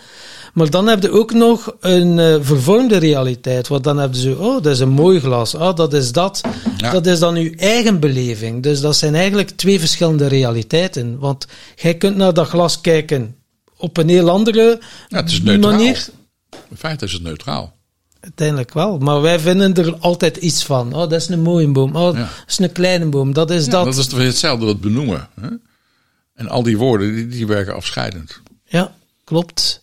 Maar om als het gewoon neutraal is, dan is er niks aan de hand. Gewoon, dat is een glas. Dat is een glas. En alleen dankzij ons verleden weten we waar we het glas voor kunnen gebruiken. Dus je bent steeds, dat zegt de cursus ook in het begin van die les al, je ziet alleen het verleden. Dan geeft je ook het voorbeeld van een glas of een kopje. Je zegt, ja, maar zie je dat ding zoals die echt is, of zie je jouw verleden in dat ding? En dan weet je van, nou ja, ik kan het hiervoor gebruiken, dat zullen doen. Als ik het laat vallen, is het kapot en al die dingen. Ik zeggen, nee, dit ding is in feite neutraal. Dat is ook een hele mooie. De cursus zegt, feiten zijn neutraal. Je kunt niet boos worden, of depressief of angstig, over een feit. Maar wel over jouw interpretatie van dat feit. En dat vind ik een hele belangrijke. Dat is die twee lagen waar je het ook over hebt. Je gaat interpreteren. En in de interpretatie komt het ego mee. En die zegt, dit is goed, dat is slecht, dat is, enzovoort. Maar het is in feite neutraal. Nou, als je die ziet, en als je dus op het punt staat om ergens boos over te worden. En dat is dan weer die metafysica die er om de hoek kijkt. En je kijkt dan van, maar in feite zie ik niet wat ik denk te zien. Ik, ik zie mijn eigen interpretatie. Ik zie niet dat glas of die persoon als iets neutraals of als iets liefdevols. Nee, ik heb mijn interpretatie eroverheen gegooid en daar ga ik op reageren. Dat vind ik dan wel een interessante. En hoe zit het dan met emoties? Van boosheid en zo. Dus als je alles ziet als feiten, dan kan je niet echt meer boos worden. Nee, dankjewel. Dat is precies wat het over gaat. Dat is interessant. Want ja, elke mens zegt, je emoties moet je voelen of doorvoelen, of dat nu verdriet is of boosheid. Ja, rouw en zo, dat, dat zijn toch primaire emoties die er toch altijd door je lichaam eh, gaan? Exact, ze gaan even door je lichaam heen en meer is het niet. Ik weet dat ik een keertje heel boos was op mijn toenmalige vrouw. En ik trok mij terug in mijn kamer. En toen merkte ik, omdat ik niks deed ermee, dat die boosheid een energie was die gewoon door mijn systeem heen trok. En omdat ik er niks mee ging zitten doen, ik ging niet tegenhouden of onderdrukken of weet ik veel wat, was die na een paar minuten weg. Toen dacht ik, wauw. Pardon. Ja, je schrikt ervan. Ik schrik ervan, ja. ja. Wauw. dus daar heb ik heel veel van geleerd. Want dat is dus wat een emotie is. Het is alleen maar een energie die door je systeem heen trekt. En als je er niks mee doet, niet benoemen, niet tegenhouden, niet onderdrukken, weet ik veel wat. Dan gaat die voorbij en is het klaar. En dat geldt dus ook voor rouw als je iemand verliest. Die mag er zijn. Natuurlijk mag die rouw er zijn. De cursus zegt nooit dat je het niet mag voelen. Ook soms een misvatting dat we het allemaal cerebraal moeten oplossen. Dat is het helemaal niet. Je voelt inderdaad. Maar je ziet dat een gevoel niets anders is dan iets wat door je heen trekt. En wat op een gegeven moment van zichzelf weer uitdooft. Als je tenminste niks meer gaat zitten doen. Je kunt het gevoel heel goed voeden met allerlei nieuwe ego-verhalen. Dan komt hij morgen nog een keer langs en de droom komt hij langs. Dus morgens denk je van, god, heb ik slecht geslapen. Oh, ik ben de hele nacht bezig geweest met dat, hele verhaal. Nou, dat herkennen we. Zeker. Maar dat hoeft dus niet. Je gaat steeds meer zien als je met de cursus bezig bent. Hè, van dit is weer een ego-verhaal. Nee, dankjewel. Dus als je in slaap gaat en je hebt die malende gedachten nog. Ik zou zeggen, stap heel even uit bed. Drink een glaasje water of zo. Um, doe misschien een yoga-oefening of ademhalingsoefening. En ga dan weer terug naar bed. En vraag ook hulp om in rust te kunnen zijn. Nou, nogmaals, dat vergeten we vaak om hulp te vragen. Maar als je dat doet, dan. Wat, wat ik meestal deed, is. S'avonds las ik eigenlijk al de, de les voor de volgende dag. En daar ga je dan mee slapen? Daar ga je dan mee slapen. Ja. En want sommige lessen zijn vrij lang. Hè, dan, als je dan s morgens bij sprek maar een half uur hebt, dan kun je de les niet eens doen omdat je hem dan nog moet lezen. Hè. Dus dan dacht ik, oké, dat is namelijk het ego-excuus van, oh is te lang, ik doe hem vandaag niet. Hè. Dus ik nee, ik lees hem de avond tevoren. Dan ga ik met die gedachten slapen en ik sta op en dan heb ik die les voor me en dan kan ik hem heel makkelijk doen. Ja, en dat ego is nu zo bezig. Langs de ene kant voel ik zo, wauw, uh, mijn vriendin heeft in een boek liggen, ik ga hier eerstdaags mee beginnen. Dan zegt mijn ego, maar ja, weet je, het is mei. Het begint 1 januari, wat zijn 365 ah, ah, dagen. Dus het is een heel goed excuus. Een heel goed excuus. ja. ja. Dus maar je kunt daar op gelijk welke dag mee beginnen. Het hoeft niet, uh, dat, is, uh, ja, dat is ook weer zoiets, dat ego. Exact. Is je hebt hem door, je hebt hem door. Ja, maar dat is echt wel. Maar nog even terug op die emoties. Ja, dat is, ik spreek dat voor mezelf. Er zit zoveel schaamte op om verdriet of iets laten voelen en dan ben ik wel heel snel of heel goed in het omdenken. Of, mhm. of, of, de humor ervan in te zien. Dat is heel belangrijk. En dat is wel zoiets. Maar dat kan ook heel subtiel zijn in een humor. Om dan toch niet dat gevoel te moeten voelen. Bijvoorbeeld verdriet of zoiets. Dan en dan ga je het zodanig. Ja, maar dan is het ego weer bezig. Ja. humor is iets waar het ego eigenlijk niet tegen kan. Hm. Als ze erom kunnen lachen, houdt het op. Ja. Dan doorzie je het en je lacht en het is over.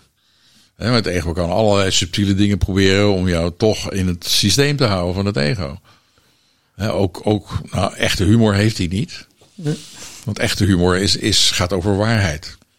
En dan is het, verhaal verdampt. Dat, dat, merk ik vaak ook als ik met cliënten werk over vergeving of zo. Op een gegeven moment, als ze zeg maar, vergeven hebben en ze hebben het verhaal doorzien, moet vaak ontzettend lachen. Heb ik dit nou echt geloofd? is toch ongelooflijk. Twintig jaar heb ik hier mee rondgelopen met dit verhaal. Over mijn vader, mijn moeder, mijn broer, mijn zus. Wat dat ook maar is. En dan kijk je en denk je van, hè? Is dit het echt? En je kunt het op een gegeven moment niet meer terugvinden. Het verhaal is echt weg. En dat, Ja. dat is de, het wonder van vergeving, noem ik dat ook. Maar dat is ook de humor. Ja. En de cursus heeft het, die maakt het ook weer heel simpel. Zegt er zijn maar twee menselijke emoties: liefde en angst. Ja, en angst kun je allerlei vormen geven, van jaloezie tot depressie, tot woede, tot you name it. Eh, ergernis, eh, allemaal, allemaal vormen van dingen die jou uit je vrede halen. En liefde brengt je wel naar je vrede toe. En dat, die keuze maak je elke seconde. En als je niet kiest, dan ben je onbewust. Dan heb je sowieso aan de kant van het ego gekozen. Dan Ja. denk je van, oh, wat gebeurt er nu? Oh ja. En daarom is het zo belangrijk om die les morgens te doen en met je mee te nemen in die, die hele dag. Want dan ben je je bewust. En anders ben je niet bewust en dan zit je er sowieso al in. Nou, omdat er maar twee menselijke emoties zijn, zijn er ook maar twee menselijke uitingen. Een uiting van liefde en een uiting van angst. Die laatste vertaalt de cursus voor ons als een vraag om liefde. En dat is werkelijk ongelooflijk wat er dan gebeurt. Als er dus een boosheid van een ander op je afkomt, of een verwijt, of weet ik veel wat. En je kunt dat zien als een vraag om liefde. Dus niet als een aanval op jou. Want het ego is natuurlijk meteen, oeh, ik word aangevallen, terugmappen. Hè? Nee, Die zo hard mogelijk. en liefst zo hard mogelijk en winnen. Hè? Ja, en ook winnen, nog. ja. Ja, die ander moet dan op de grond. Ja. Ja. Nou, als je dus gaat zien, dit is een vraag om liefde. Hoe reageer je dan? Dan reageer je totaal anders. En Om daar een heel scherp voorbeeld van te geven, wat ik ook geef in mijn, boekje over vergeving, het tweede boekje. Er zat bij ons in de vertaalgroep een vrouw die woonde in Amsterdam, vlakbij het eh, Vondelpark. En op een dag ging ze daar wandelen. En er kwam een man met een pistool op haar af. En ze was natuurlijk even heel heftig in angst. Maar dat duurde niet heel lang. En toen had ze dus hulp gevraagd aan de Heilige Geest. Dat ging allemaal heel snel. En toen kwam er tot haar eigen verbazing uit haar mond: Meneer, kan ik u ergens mee helpen? En die man die was zo verbouwereerd. Van, huh? Helemaal in de war. Helemaal in de war. Maar dit was wel precies wat hij nodig had. Het was in feite dus een vraag om hulp. En daar had zij op gereageerd. Nou, lang verhaal kort. Ze zijn anderhalf uur gaan wandelen door het Vondelpark. Op een bankje terechtgekomen. Tussentijd heeft die man zijn hele levensverhaal tot aan deze wanhoopsdaad aan haar verteld. En hij is, dat pistool dat had hij weggestopt. Hij is nooit meer iemand gaan vermoorden of zo. Hè? Het was gewoon echt een wanhoopsdaad. Als je daar dus op kunt reageren, dus je door de vorm heen ziet. Van, oh mijn god, ik word bedreigd. Nee, er is iemand die hulp vraagt. Nou, dat is een enorme shift. Hè? Een shift in je waarneming, zoals de cursus dat noemt. En dat is een wonder. En dat heeft dus onmiddellijk hele andere gevolgen. Als hij mee was gegaan in zijn verhaal, dan had zij waarschijnlijk het loodje gelegd en hij was in de gevangenis terechtgekomen. Is eigenlijk ook een heel natuurlijke reactie om daar angstig voor te zijn. Ja, dat, had ze ook, maar, maar een paar seconden. En toen vroeg ze dus van binnen om hulp. En ze kreeg onmiddellijk dit antwoord waar ze zelf over verbaasd was, dat het uit haar mond kwam. Meneer, kan ik u ergens mee helpen? Maar dat was precies waar het over ging.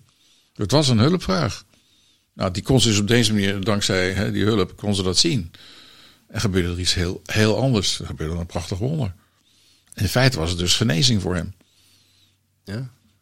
Op een heel diep niveau. Op een heel diep niveau. Nou, dat, dat is dus de kracht van de cursus die laat zien. Er zijn maar twee menselijke emoties, twee menselijke uitingen. En wat een uiting van angst en aanval en agressie lijkt, is in feite een vraag om liefde. Dat geldt ook voor meneer Poetin.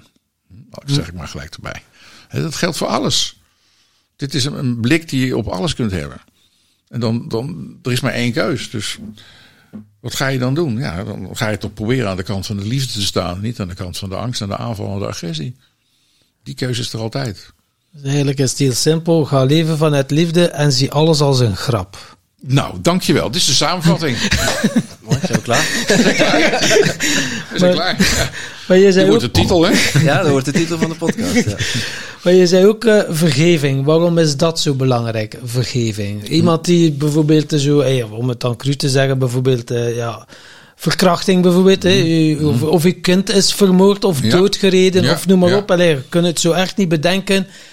Het gebeurt. Het gebeurt nu eenmaal. Dan toch heb je zoiets van, ja, zo, het is pas als je hebt vergeven dat je terug verder kunt met je leven. In feite wel. Ja. Want als we niet vergeven, dan blijven we in de haat en de wraak en de wrok en het slachtofferschap zitten. En dat zijn alle drie dingen, of alle vier dingen, die ons verlammen. Haat is een, een vergif, zeg ik altijd, wat we zelf innemen. Maar waarvan we hopen dat de ander eraan sterft. Dat laatste gebeurt niet. Nee, je vergiftigt jezelf, je eigen systeem. Slachtofferschap is er ook zo eentje. En dan blijven we eigenlijk afhankelijk van die dader. Zeg, ja, hij heeft het gedaan. Als hij naar me anders was geweest, kon ik nu gelukkig leven. Maar ja, dat is niet zo. Dus het is zijn schuld dat ik in ongeluk zit. Nou, dat kun je eindeloos blijven volhouden. Dat is ook een verhaal wat het ego maakt. Dat is weer een afscheidingsverhaal. En wat doet vergeven? Die, die doorziet dat dit verhaal niet waar is. Hij ontkent de feiten niet. Je arm is afgehakt door iemand. Nou, dan is dat een feit. Maar vervolgens gaat het weer over de interpretatie van dat feit. En blijf ik daar mijn hele leven over doorzeuren. Ja, dat had hij niet moeten doen. Een klootzak en tralalala. Dan ben je jezelf aan het vergiftigen de hele dag. En daar kun je dus mee stoppen. En dat is wat vergeving doet. Die, die zorgt ervoor dat dat verhaal, wat het ego fantastisch vindt.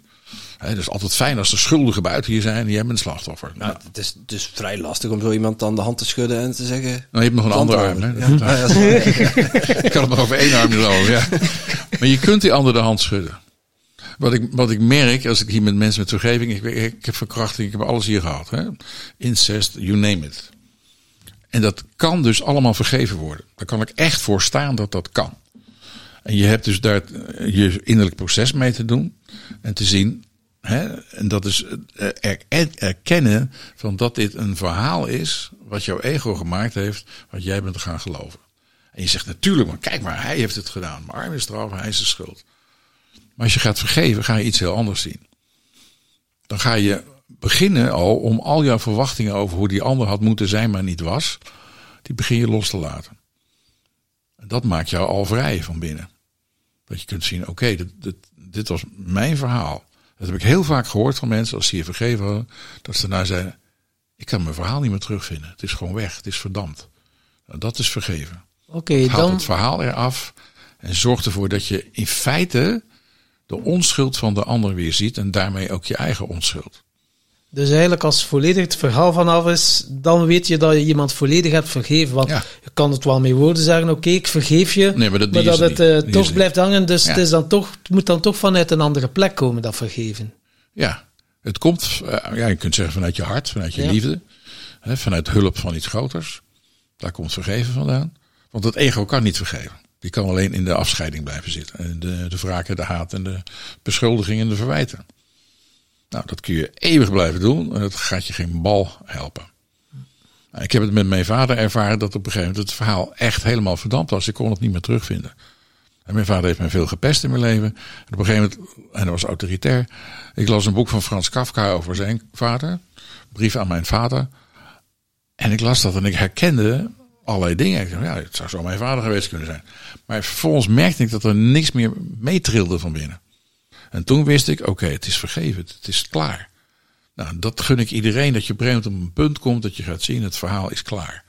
Ik hoef het niet meer te geloven, ik hoef het niet meer met me mee te slijpen. Het is klaar. En op een gegeven moment kun je echt zeggen, ik kan het niet meer terugvinden. Ik zou niet meer, niet, nu echt niet meer weten wat hij gedaan had. Geen hm. flauw idee. Ja. Dat, is echt in het, dat is totaal in het verleden. En wat niet vergeven doet, is elke keer dat verleden ervoor halen. Als, als bewijs gebruiken dat het zo ellendig is. Zie je wel. Zie je wel, die ander, tralalala. Nou ja. Ja. Dat kunnen we eeuwig doen. Dan denken mensen, ja, uh, alleen vergeven, denk dat er dan toch wel best iemand ervoor nodig hebt, ook, die u erin begeleidt en vergeven? Of kan je effectief... Je kunt effectief zelf vergeven. Ik heb dat boekje geschreven. Ik hoor heel veel van mensen dat ze met het boekje dat kunnen. Okay. En soms is het een te diep of te lang verhaal. En dan komen ze hier om geholpen te worden. Of, of bij iemand anders die ik heb opgeleid in, als vergevingscoach. Dat kan. dus die hulp is prima. Maar je hebt de ander over wie het ging, heb je er niet bij nodig. En dat is ook een misverstand. Dat wil ik gelijk uit de weg helpen. Je hebt de ander niet nodig om te vergeven. Je hebt geen toestemming van de ander nodig om te mogen vergeven ook. Nee, en ook niet, je hoeft ook niet om vergeving te vragen. Of dat je zegt, ik moet die ander nodig, erbij hebben om hem, hem te vergeven. Nou, daar dachten in de katholieke kerk anders over. Hoor. Dat weet ik. in feite, dat soort manier van vergeven is het herbevestigen van schuld. Ja. Dan zeg je, kijk, ik ben zo goed, ik ben je aan het vergeven. Maar jij blijft gewoon een ellendige zondaar. Maar ik ben zo goed dat ik jou vergeef. Dat heeft niets met vergeven te maken. Nee, dat is machtspositie. Ja, dat is bovendien het herbevestigen van schuld. Die ander blijft schuldig.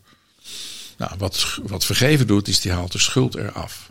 Dat haal je dus uit dat hele verhaal van het ego. En vergeven gebeurt, dat is een proces, als ik jou zo Ja, hoor. ja. Eh, welke, welke stappen kunnen we erin definiëren?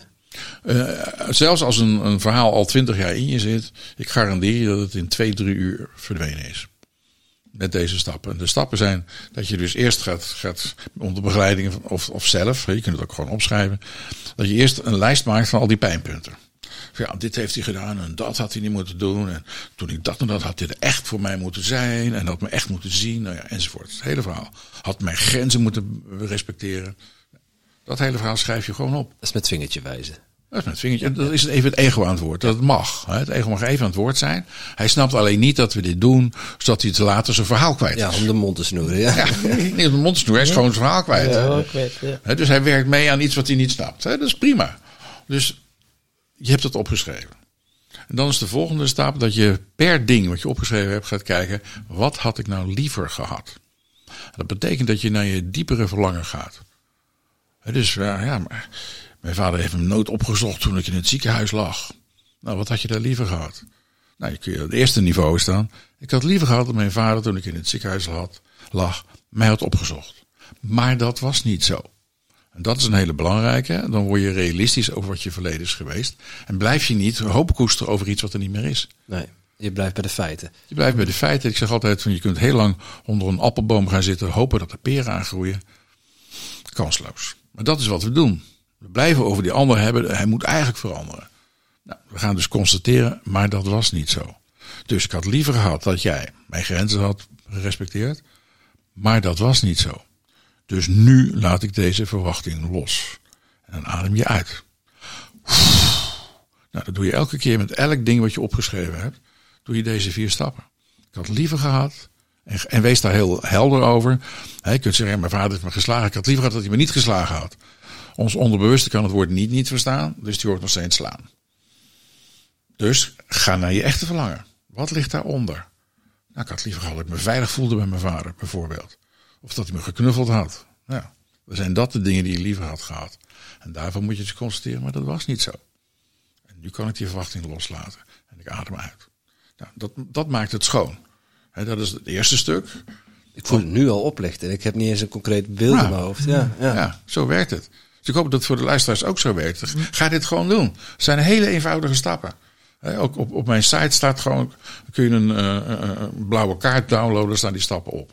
Kun je het gewoon doen. En als Verstandig dat je geen rode kaart hebt genomen. het, het, het boek was blauw, dus de uitgever bedacht dat er ook een blauwe kaart bij moest. Ja. En dan heb je nog een paar andere stappen die daarna komen. Een hele belangrijke is het scheiden van verantwoordelijkheden. Want wat we vaak doen, is we nemen verantwoordelijkheid op ons die niet van ons is. Denk maar aan een kind, de moeder is ziek. Wat gaat dat kind doen? Die gaat voor het gezin zorgen. Al is ze pas acht.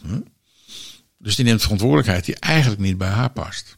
Nou, dat ga je op een gegeven moment zien in zo'n proces dat je vaak verantwoordelijkheid neemt. Of bij een, een, een incest is het eigenlijk altijd moet een geheim blijven. Dus je gaat een geheim meeslepen wat niet van jou is. Waar je verantwoordelijkheid voor gaat nemen. En je weet, ja, als je het gaat vertellen, dan eh, volgt er weer iets anders. Hè? Dus je houdt je mond dicht. Maar je neemt dus verantwoordelijkheid die niet van jou is. Nou, een stap in het proces is ook dat je die verantwoordelijkheid weer teruggeeft daar waar die hoort. Dus in dit geval met zo'n incestslachtoffer gaat het terug naar de dader. Dat is niet van mij, dit is van jou. Alsjeblieft, ik neem het niet meer met me mee. Dat geheim neem ik niet meer mee.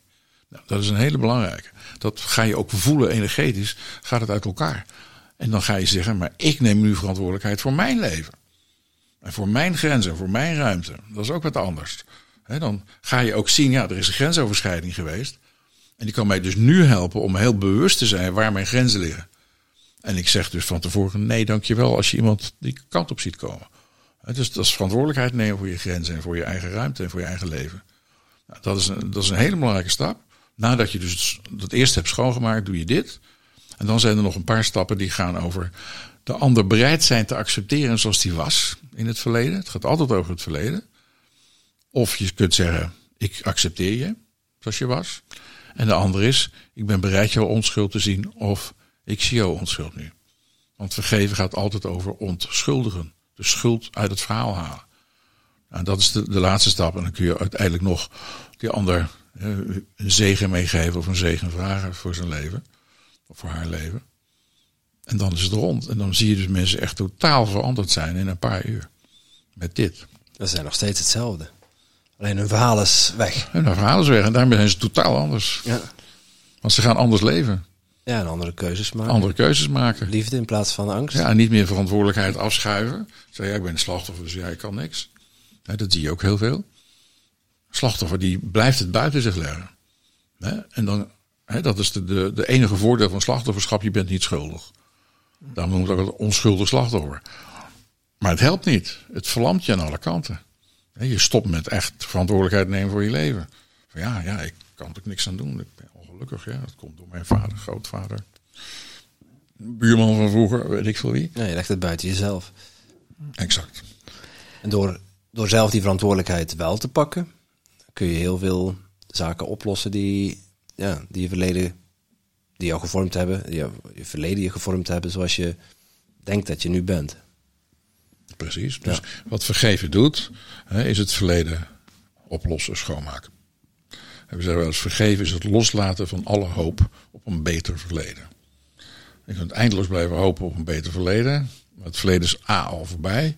En die hoop is ook op niks gebaseerd. Dus vergeven is dat loslaten en gaan zien. Oké, ik had een vader die een appelboom was en geen perenboom. En daar heb ik het dus mee te doen. Dat is gewoon zo. Dat, dat zijn de feiten. En dan kan ik uiteindelijk ook tevreden worden over een appelboom. Ik kan nu de liefde van mijn vader weer zien nadat ik vergeven had. En voor die tijd dacht ik van, ja, ik kan beter opdonderen uit mijn leven, weet je. Nee, dan ga je dat weer zien. En dan zie ik ineens alle dingen die hij ook gedaan heeft. Die je eerst niet ziet. Je zit alleen maar in dat verhaal en dat is je bril geworden.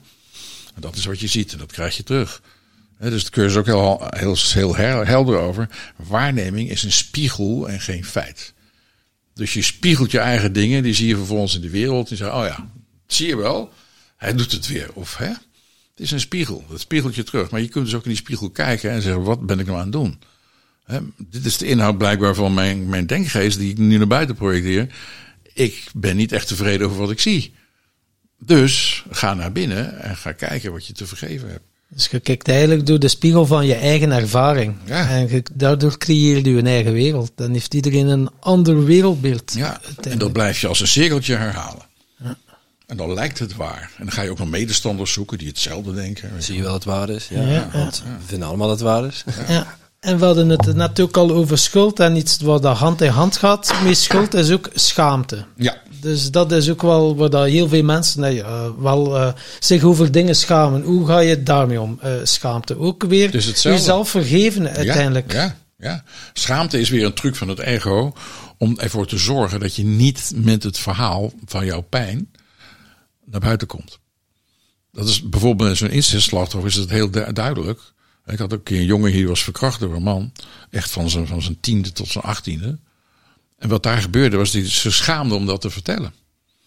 Maar dat was dus precies wat die man probeerde. Dat hij zich schaamte, hè, schaamte voelde over het geheel. En daardoor het geheim kon bewaren. Dus het was echt absoluut een truc van het ego. En dat is wat schaamte doet. Die zegt van, vertel het maar niet. Houd je mond maar, dat is beter. Want anders gaan mensen wel raar over je denken hoor, als je dit vertelt. Nou, als je daar doorheen gaat en ziet dat dit gewoon alleen maar een truc is om jou af te houden van genezing. Dat is wat het doet. Dan ga je tegen niemand vertellen. Nee, nee, dat is te erg. Nee, dat mag niemand van mij weten. Op het moment dat je het wel gaat vertellen, ga je A ontdekken dat je niet veroordeeld wordt. Want dat is vaak de angst die erachter ligt. Als ik het ga vertellen, dan word ik veroordeeld. Ja, dat ga ik niet doen. Als je het echt gaat vertellen, dan word je niet veroordeeld door je beste vrienden of door je eh, dierbare relaties. Die wordt niet veroordeeld. Ze zijn vaak juist heel mededogend. En blij dat jij het eindelijk verteld hebt. Een familiegeheim, wat al jaren in de familie zit, waar nooit over gesproken wordt. Iedereen danst eromheen. Nou, op een gegeven moment gaat iemand zeggen, dit is te gek, we gaan dat wel bespreken. En dan zie je dus dat genezing onmiddellijk toeneemt, omdat waarheid binnen is gebracht in het, in het hele systeem. En dan ga je zien, oké, ja, we hebben allemaal gedacht dat het anders was, maar ja, dat was onze schaamte en onze schuld die het allemaal onderhield. En nu gaan we het vertellen. En dan krijg je dus echt genezing. En kun je bijvoorbeeld, waar dat iets over schaamt, al aan jezelf vertellen? Of Dat is het belangrijk om het ook aan de grote klok te hangen? Omdat schaamte vanuit het ego gezien probeert jouw mond dicht te houden, is het dus belangrijk om letterlijk tegen het ego te zeggen: Ik geloof je niet, ik ga het nu wel vertellen. Dus die daad van het vertellen aan een ander zorgt er al voor dat je uit het ego-verhaal stapt. Dus aan jezelf vertellen is het begin. Dan zie je, oké, hier is schaam voor. Ja, ik had het nog eerst onder de grond gestopt. Nu kan ik dat niet meer verbergen. Ik zie het nu. Oké. En dan volgende stap. En die zul je misschien niet meteen dezelfde dag of dezelfde week doen. Hè, maar op een gegeven moment voel je ook van, oké, nu ben ik eraan toe om het eens heel voorzichtig aan de eerste goede vriend te vertellen. En dan merk je dat het ontvangen wordt. Dat je niet veroordeeld wordt. En dat is een hele belangrijke ervaring. Dat je, oké, ik heb er altijd in mezelf mee rondgelopen. Ik heb mezelf erover veroordeeld. En nu vertel ik het en blijkt het dus gewoon ontvangen te kunnen worden. Nou, dat is een belangrijke ervaring. En dan ga je dus letterlijk door die schaamte heen. Want schaamte is alleen maar een weerstand van het ego die zegt: dit mogen we niet vertellen. Dit houden we voor onszelf. Het is niet van, aan hoe meer mensen dat je het vertelt, hoe meer dat de schaamte verdwijnt. Dat hoeft dat per se niet waar te zijn. Dat is gewoon uh, al uit te spreken naar uh, iemand anders uiteindelijk. Van... Je hoeft niet op de voorpagina van de krant te zetten. Nee. Je, je, vertelt het gewoon één persoon. Dan word je zeker veroordeeld hoor. Dan wel ja. Ongetwijfeld. krijg je de hele handel over je heen. Ja, alle twitters en alles. Ja. Nee, één persoon is vaak genoeg. En als je merkt van dit heeft me heel erg geholpen. En die ander heeft er ook nog mee te maken. Of die zit in hetzelfde systeem. je zit in een familiesysteem bijvoorbeeld. Zeg, nou weet je, ik vertel het ook eens aan mijn broer ook nog een keer. Ik heb het aan mijn zus verteld, dat ging goed. Dan ga ik het aan mijn broer vertellen. Kijk wat daar gebeurt. Want ik help hem ook ermee. Want die zit waarschijnlijk met hetzelfde verhaal. Hm? Ja, en nou, zo gaat het door. De schaamte kun je niet voor iemand anders oplossen. Nee. Nee. Dat je dan bijvoorbeeld, ja, zo mijn ouders, die, er is ook wel iets, uh, iets ernstig gebeurd bij een van mijn ouders. Maar ja, hij heeft ook nog nooit verteld. En uh, ja, je wilt hem dan ergens ja. helpen, maar ja, ja. dat het is... Uh, niet vertellen is voor het systeem van de hele familie veel erger. En dan wordt daar omheen gedanst. En dan, hè, dat hoor je vaak dus over tweede generatie oorlogsslachtoffers. Hè, vader vertelt niet wat er met hem in het kamp gebeurd is. Maar iedereen voelt het. Dus wat gebeurt er? Die volgende generatie, zonder precies te weten wat er gebeurd is, nemen dat verhaal wel mee. En kunnen dat in zichzelf ook niet eens goed schoonmaken, want waar ging het eigenlijk over? He, dus daarom zie je heel veel mensen die ook in deze tijd he, weer teruggaan naar wat vader dan, he, zelfs als vader dood is, gaan ze historisch onderzoek doen wat er dan in zo'n kamp bijvoorbeeld gebeurd is. En dan gaan ze zien, oh wacht even, dat en dat. Nu snap ik dat mijn vader zo en zo reageert. Dat was geen zomerkamp. Dat was geen zomerkamp, nee. nee. Nou, dat wisten we wel, maar wat er dan precies gebeurde, dat is best goed te achterhalen. Ook al heb je het niet rechtstreeks van vader gehoord. Hè, dan, dan kan het verwerkt gaan worden. Hè, soms moet het eerst echt aan de oppervlakte komen voordat het verwerkt kan worden. Er, ergens zegt me dan ook wel weer, dat is ook wel weer, we willen daar weer een verklaring voor. Of dat verklaart een bepaald gedrag of een bepaalde manier van, van doen, van denken. Nou, ik verklaren vind ik niet het goede. Ik zou zeggen, het geeft je inzicht. En het maakt je, ja, mild, gezegd, het maakt ja. je ook milder. Ja. Het maakt je milder naar je vader bijvoorbeeld. Als je in zo'n situatie zit met zo'n oorlogsverhaal. Dat je kunt zien, oké, okay, dat heeft hij meegemaakt. Oké. Okay. Dat wil niet zeggen dat je dan gaat zeggen van... Ja, en nou begrijp ik waarom hij met mij zo ellendig om is gegaan. Hè? Dat hoeft helemaal niet. Je kunt nog steeds hem vergeven zonder dat verhaal. Zonder dat je hoeft te weten wat daar gebeurd is. En dan zit weer een die valkuil van het ego. Dan blijven we daar eindeloos in zoeken en, en analyseren en ja, kijken. Dan, dan, komt het ego weer om de hoek, hè? Ja, het is van, Dan is hij weer. Je moet eerst alles weten van van en dan pas kan ik er vergeven. Nee, je kunt nu vergeven. Maar het helpt wel als je zeg maar, zo'n verhaal hoort en je van, oh wacht, hè, nu snap ik het. Dat, dat kan zeker behulpzaam zijn, maar het is niet hetzelfde als vergeven. Het kan je milder maken, het kan je ruimer maken in je hart. En dan ben je zeker op weg naar vergeving. Maar vergeven is echt het loslaten van al die verhalen. En het, de schuldeloosheid zien. En hoe kijk jij, je hoort ook wel van mensen soms, ja, maar in een vorig leven ben ik dat geweest en ik draag daar nog mee van een vorig leven. Hoe kijk jij ernaar? Dat kan. Zo'n verhaal is een verhaal. Ja. Het is net hetzelfde als een ander verhaal uit het verleden. En dat kan opgelost worden. Hm. Precies hetzelfde. Ik geloof zeker dat mensen hier dingen nog komen verwerken die in een vorig leven zijn gebeurd. Zowel aan de daderkant als aan de slachtofferkant.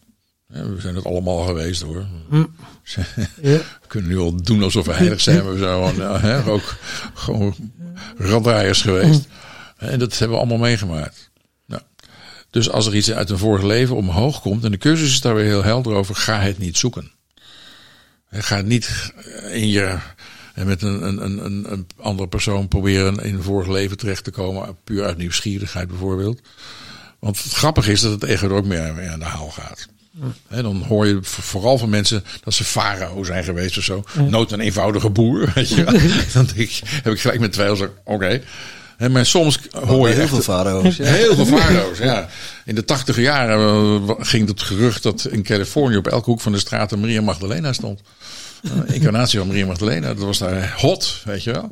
Nou, dat laat iets zien. Het laat zien dat het ego ermee bezig is.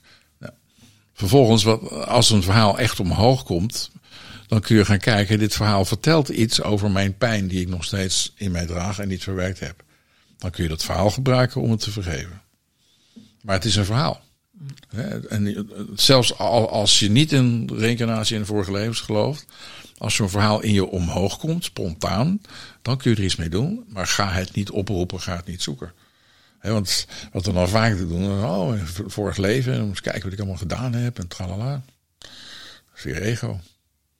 Ja, want dan heb je ook wel de regressietherapie via hypnose en zo. dus op die manier, ja, je hebt heel veel tools eigenlijk om je los te koppelen van het verhaal. En ja. Dus, Als het daarover gaat. Hè? Soms gaat zo'n regressie juist over het verhaal opnieuw uh, beleven en nog een keer opnieuw. Uh, en dat werkt. Bevestiging. Ja, dan krijg je een bevestiging. En dan denk je, ja, ik sleep het nog steeds met me mee. Nee, het gaat erom dat je het achter je laat. Dat je het doorziet en achter je laat. En dan uiteindelijk, als je wel losgekoppeld bent van al die verhalen, dan komt de zingeving. Dan weet je wat dat je hier te doen hebt. Of dat weet je hopelijk al, uh, hoop ik al wat eerder. Dat weet je al wat eerder, ja. Meestal gaan die par, zijn het parallele processen. Klopt. En op een gegeven moment weet je dus, als je al je onzin verwerkt hebt, dan ben je dus in een staat van complete creativiteit. Dan kun je alleen maar creëren. In vreugde. Omdat er niks meer tussen zit, niks meer jou tegenhoudt. En dan ga je gewoon, dan doe je de dingen die je gewoon ingegeven krijgt, die je wil creëren, die je doet, ja, dan ben je daar ook niet meer bezig. Dan gebeurt het gewoon. En ja, er gaat nog altijd restanten. Wel. Ik denk niet dat je ooit alles kunt oplossen of zo. Er blijft maar komen. Dat denk ik wel. Oké, okay, wauw. Ik denk dat het echt mogelijk is om alles op te lossen. Dat je echt volledig losgekoppeld bent van... Uh, ja. En gewoon volledig vrij bent en in die complete creativiteit kunt zijn. Wauw. Het gaat echt over vrijheid. En het andere houdt je tegen. Of het nou door schuld of door angst of door schaamte of wat ook is, dat houdt je tegen. En hoe sneller dat je door hebt, ook hoe sneller dat verdwijnt. Dan hoe sneller dat je het kunt verwerken. Verwerken, ja. En dan verdwijnt het. Oké. En dan ooit houdt het dan op. Ben jij al tot aan dat, dat punt van dat het ophoudt met uh, dingen die dan nog naar boven komen? Jij kan zeggen van. ja. Ik kan zeggen dat mijn verleden al klaar is, ja. Wauw. Daar ben ik gewoon ook niet meer mee bezig. En er gebeuren wel dingen nu. Hè, dan reageert mijn ego ook. Nou, dan kijk ik daar naar. En dan doe ik hetzelfde. Maar dan voel ik ook dat niet een oud verhaal nog mee gaat trillen. En dat maakt het veel lastiger. Als er nu in het nu iets gebeurt. Hè, bijvoorbeeld, nou ja, mijn vader was autoritair. Wat kreeg ik hier aan de overkant? Een hoogleraar, autoritair. Dus wat gebeurde er mij? Dat hele verhaal van mijn vader projecteerde ik op die arme man. Hm? Mm. toen ik mijn vader vergeven had, was dat verhaal dus verdampt. En kon ik die man ook anders zien. Ik ben assistent bij hem geworden, ik ben uiteindelijk bij hem gepromoveerd. maar dat had, was niet gelukt als ik niet mijn vader had vergeven. Wow. Ja. Dat, dat laat iets zien, maar dan is het ook klaar. Ik hoef mijn vader niet nog twintig keer te vergeven. Nee, het is gebeurd. Ja. En ik merk, ik projecteer het niet meer, dus het is klaar. Dus dat, dat hoeft niet. Je hoeft niet eindeloos bezig te blijven. Okay. En daar, de cursus is ook weer heel, heel fantastisch in. Die zegt, genees de oorzaak en niet het gevolg. Dat betekent dat we dus naar de kern gaan van het schuldverhaal en niet naar alle symptomen gaan kijken. Daar kun je eindeloos mee bezig blijven. Oh, dat is nog eentje, dat is nog eentje, en daar moet ik ook nog. Oh, oh. Nee, genees de oorzaak en de gevolgen verdwijnen. Als de oorzaak weg is, dan zijn de gevolgen verdwenen. En hoe weet je dat je tot aan de kern bent? Dat weet je op het moment dat je daar bent, weet je dat absoluut met grote zekerheid. Oké, ja, je zou je onbewust wel uh, symptomen proberen oplossen tot wanneer dat je dan dieper graaft. Door jezelf goede vragen te stellen. Het is al goed om, om met die symptomen bezig te zijn, maar zie dus dat ze ergens naar verwijzen. En als je gaat zien dat steeds hetzelfde verhaal wat terugkeert, nou, dan mag je een, een niveau dieper gaan naar de oorsprong van het verhaal. Zonder dat je allemaal weer terug hoeft te gaan en alles te gaan herbeleven. Hè? Dat is ook een grote valkuil. Ik vind het ego fantastisch. Weer drama maken. Maar, dus kijken. Weet je wel. Dat doen we niet. Je, blijft gewoon eigenlijk in vrede en je kijkt ernaar. En dat is altijd de positie waar je wil zijn. Je wil in vrede zijn. Dan verdwijnen die dingen. Het is een heel simpel uh, principe van genezing. Waar liefde is, kan geen angst zijn. Waar onschuld is, kan geen schuld zijn. Waar waarheid is, kan geen illusie meer zijn. Dan kun je zeggen, waar God is, kan geen ego meer zijn. Hm. Dat verdwijnt dus. Hè? Licht straalt het duister weg. Het kan niet meer bestaan. Dat is een heel simpel principe. En als je dat toepast, nou. Aan de andere kant, dus zonder duisternis is er ook geen. geen dat is dus niet waar. Dat is gewoon niet waar. Oké. Dat is gewoon eh, eh, de dualiteit van die het ego erin stopt. Je hebt het duister nodig om het licht te kunnen zien. Nee, het is totaal anders. Okay. Neem maar twee kamers waar een deur tussen zit. De ene kamer is donker en de andere is licht. Wat gebeurt er als de deur open gaat? Dan wordt de ene kamer licht. Ja, de donkere kamer wordt licht, maar de lichte kamer wordt niet donker. Nee, nee. Dat is precies waar het over gaat. Wauw. Mooi gezegd, ja. En dan, dan, ga je dus zien, het licht straalt het duister weg en niet omgekeerd. Nou, dat is het principe van genezing. Dat kun je dus in alle dingen toepassen. En als je het toepast, dan word je vrij. Kan niet anders. En mij komt nu het beeld van, van de yin-yang naar Ja, voren. ja. Eh, hoe, hoe, hoe, zie je dat, hoe zie je dat concept dan? Want dat zegt juist hè, dat... eh, Het gaat meer over het vrouwelijke en het mannelijke. Hè? ja, dat de duale... Het is, een, het is duaal, dat klopt. En het is in dynamiek. Hè, dat, de- die vorm geeft dat al aan. En je ziet ook dat in het zwarte ding zit een wit puntje. En het witte ding zit een zwart puntje. Dus dat laat iets zien dat er al wel iets van eh, verbinding aan het ontstaan is tussen die twee. Maar ik vind die andere veel helderder. Je hebt een licht en een donkere kamer. Ja, Ja, die is heel helder, open. ja. Ja. Het is gebeurd. Hè, maar dus er heel veel van dit soort dingen, dat die, ja, weer van het ego, die dat interpreteert voor ons, die blijven gewoon alsmaar in zo'n situatie van dynamiek van ja en nee en ja. Dat schiet niet op. Je kunt er echt van bevrijd zijn. Totaal. Weg met het ego. Ja, maar doe dat op een rustige en liefdevolle manier. Ja, een milde manier. Want als je namelijk weg met het ego, dan ben je aan de kant van de strijd. Juist. En dan zit je weer in de kant van het ego. Hè? Strijd is een van de grapjes van het ego uit zijn winkeltje. Dus dan ga je met het, eh, iets van het winkeltje van het ego het ego bestrijden. Nou, dan weet je al wie er gaat winnen. Dan ben je weer, weer af. Ja. Kun je weer opnieuw beginnen? Nee, want je bent verder.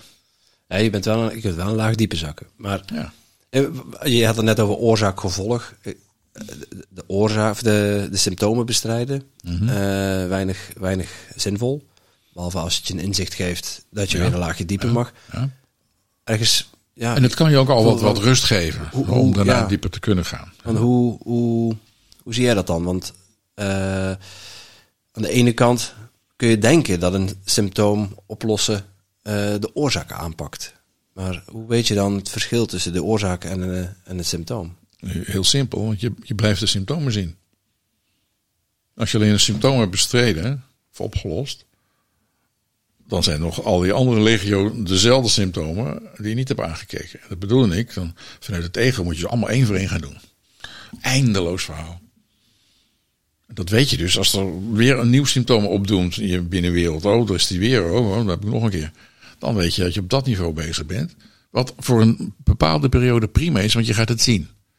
Maar er komt een moment dat je gaat zien, ik wil dit gewoon helemaal niet meer. Ik zoek een laag dieper. En dan kom je altijd bij, bij schuld of angst of dat soort dingen uit in het ego.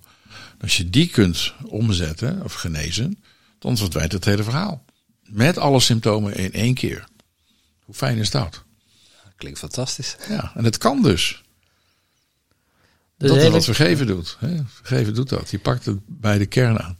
Dus eigenlijk 99% van de mensen zijn constant bezig met symptomen. Of misschien zelfs meer. En als je nu al dingen aan het proberen oplossen bent, mag je misschien nu zelf al afvragen of voelen van oké, ik, ik wil een laag dieper, maar hoe ga je dan die laag dieper? Om niet op datzelfde niveau van die symptomen te Vraag er hulp bij. En dan dus innerlijke hulp. Hè, van de Heilige Geest of van je innerlijke leiding. Of hoe je het ook noemen wil. Als je denkt dat heb ik niet. Dat is niet waar. Iedereen heeft dat. Soms heb je nog geen contact mee gemaakt. Dat is wat anders. Maar als je daar contact mee hebt. Dan kun je dus die hulp vragen om met jou te kijken naar wat je hier aan het doen bent, naar de symptomen. En dan vraag je ook van, laat mij het geheel zien, laat me ook de oorzaak zien. En dan krijg je antwoord. En soms heb je daar iemand anders voor nodig, eh, een, begeleider, een counselor, whatever, die je daarbij helpt. En soms ontdek je het ineens spontaan. En dan loop je ineens de hond uit te laten en je, wow, het inzicht komt. Ah, dat is hem. Oké, nu heb ik hem, ja.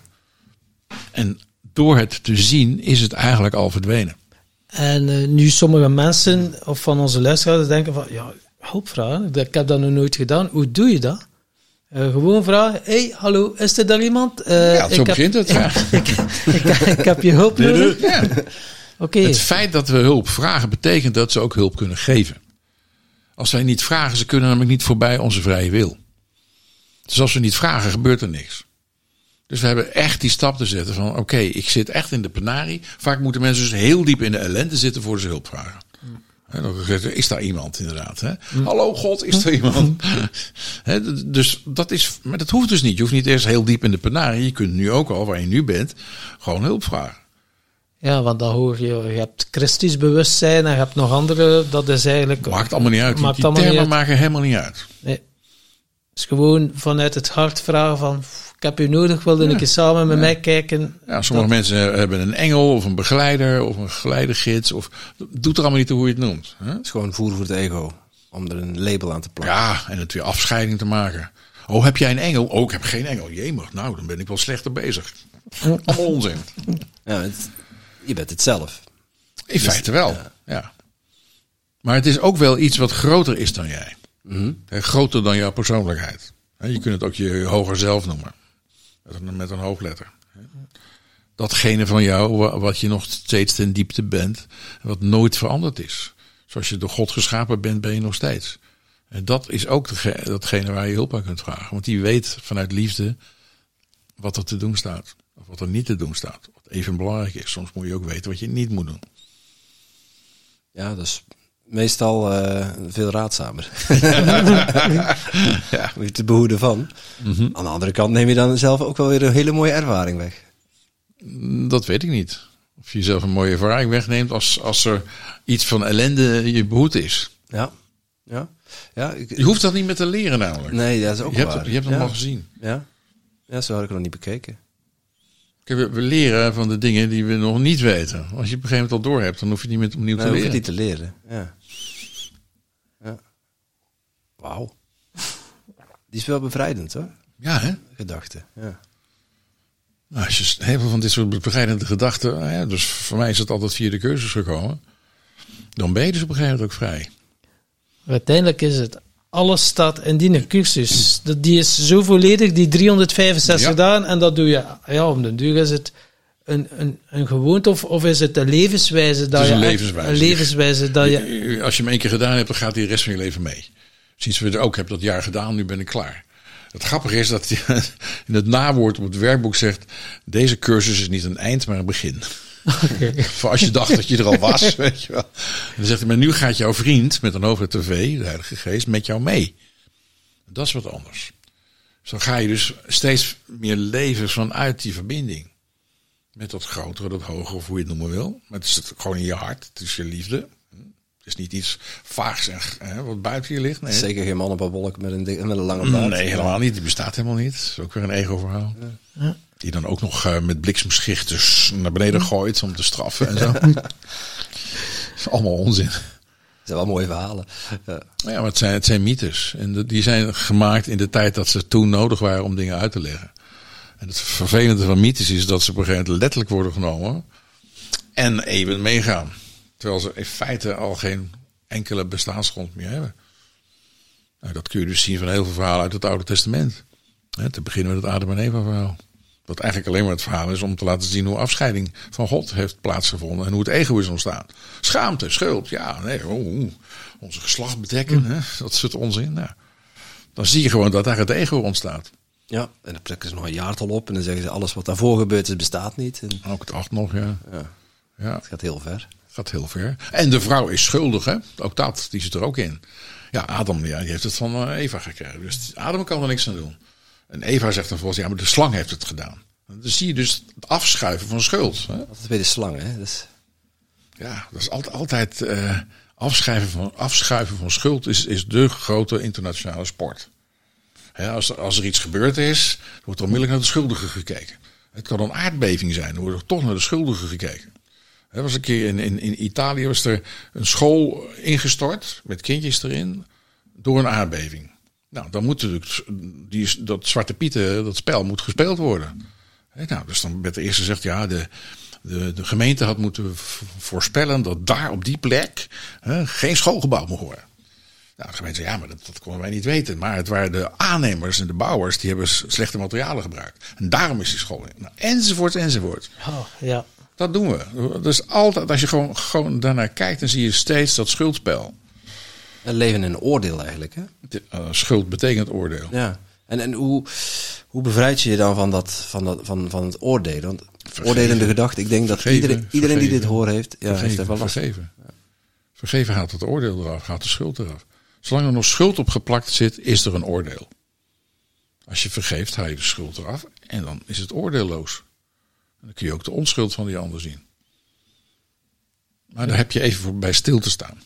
Want als ze er niet bij stilstaan, dan zitten we zo in de trein van het ego, huppakee, TGV, huppakee naar Parijs, weet je wel. Hetzelfde. En ze zijn wel geconditioneerd. Ja. Ja, ze zijn geconditioneerd. Dus dat is het prachtige van de cursus. Dan zegt hij eerst afleren wat je niet bent. En dan ga je leren wat je wel bent. Maar dat weet je al. Dat, dat, hè, als die laag van dat ego eraf is, dan ga je het vanzelf ontdekken. En dan komt het naar boven. Zo, oh ja, dit is het.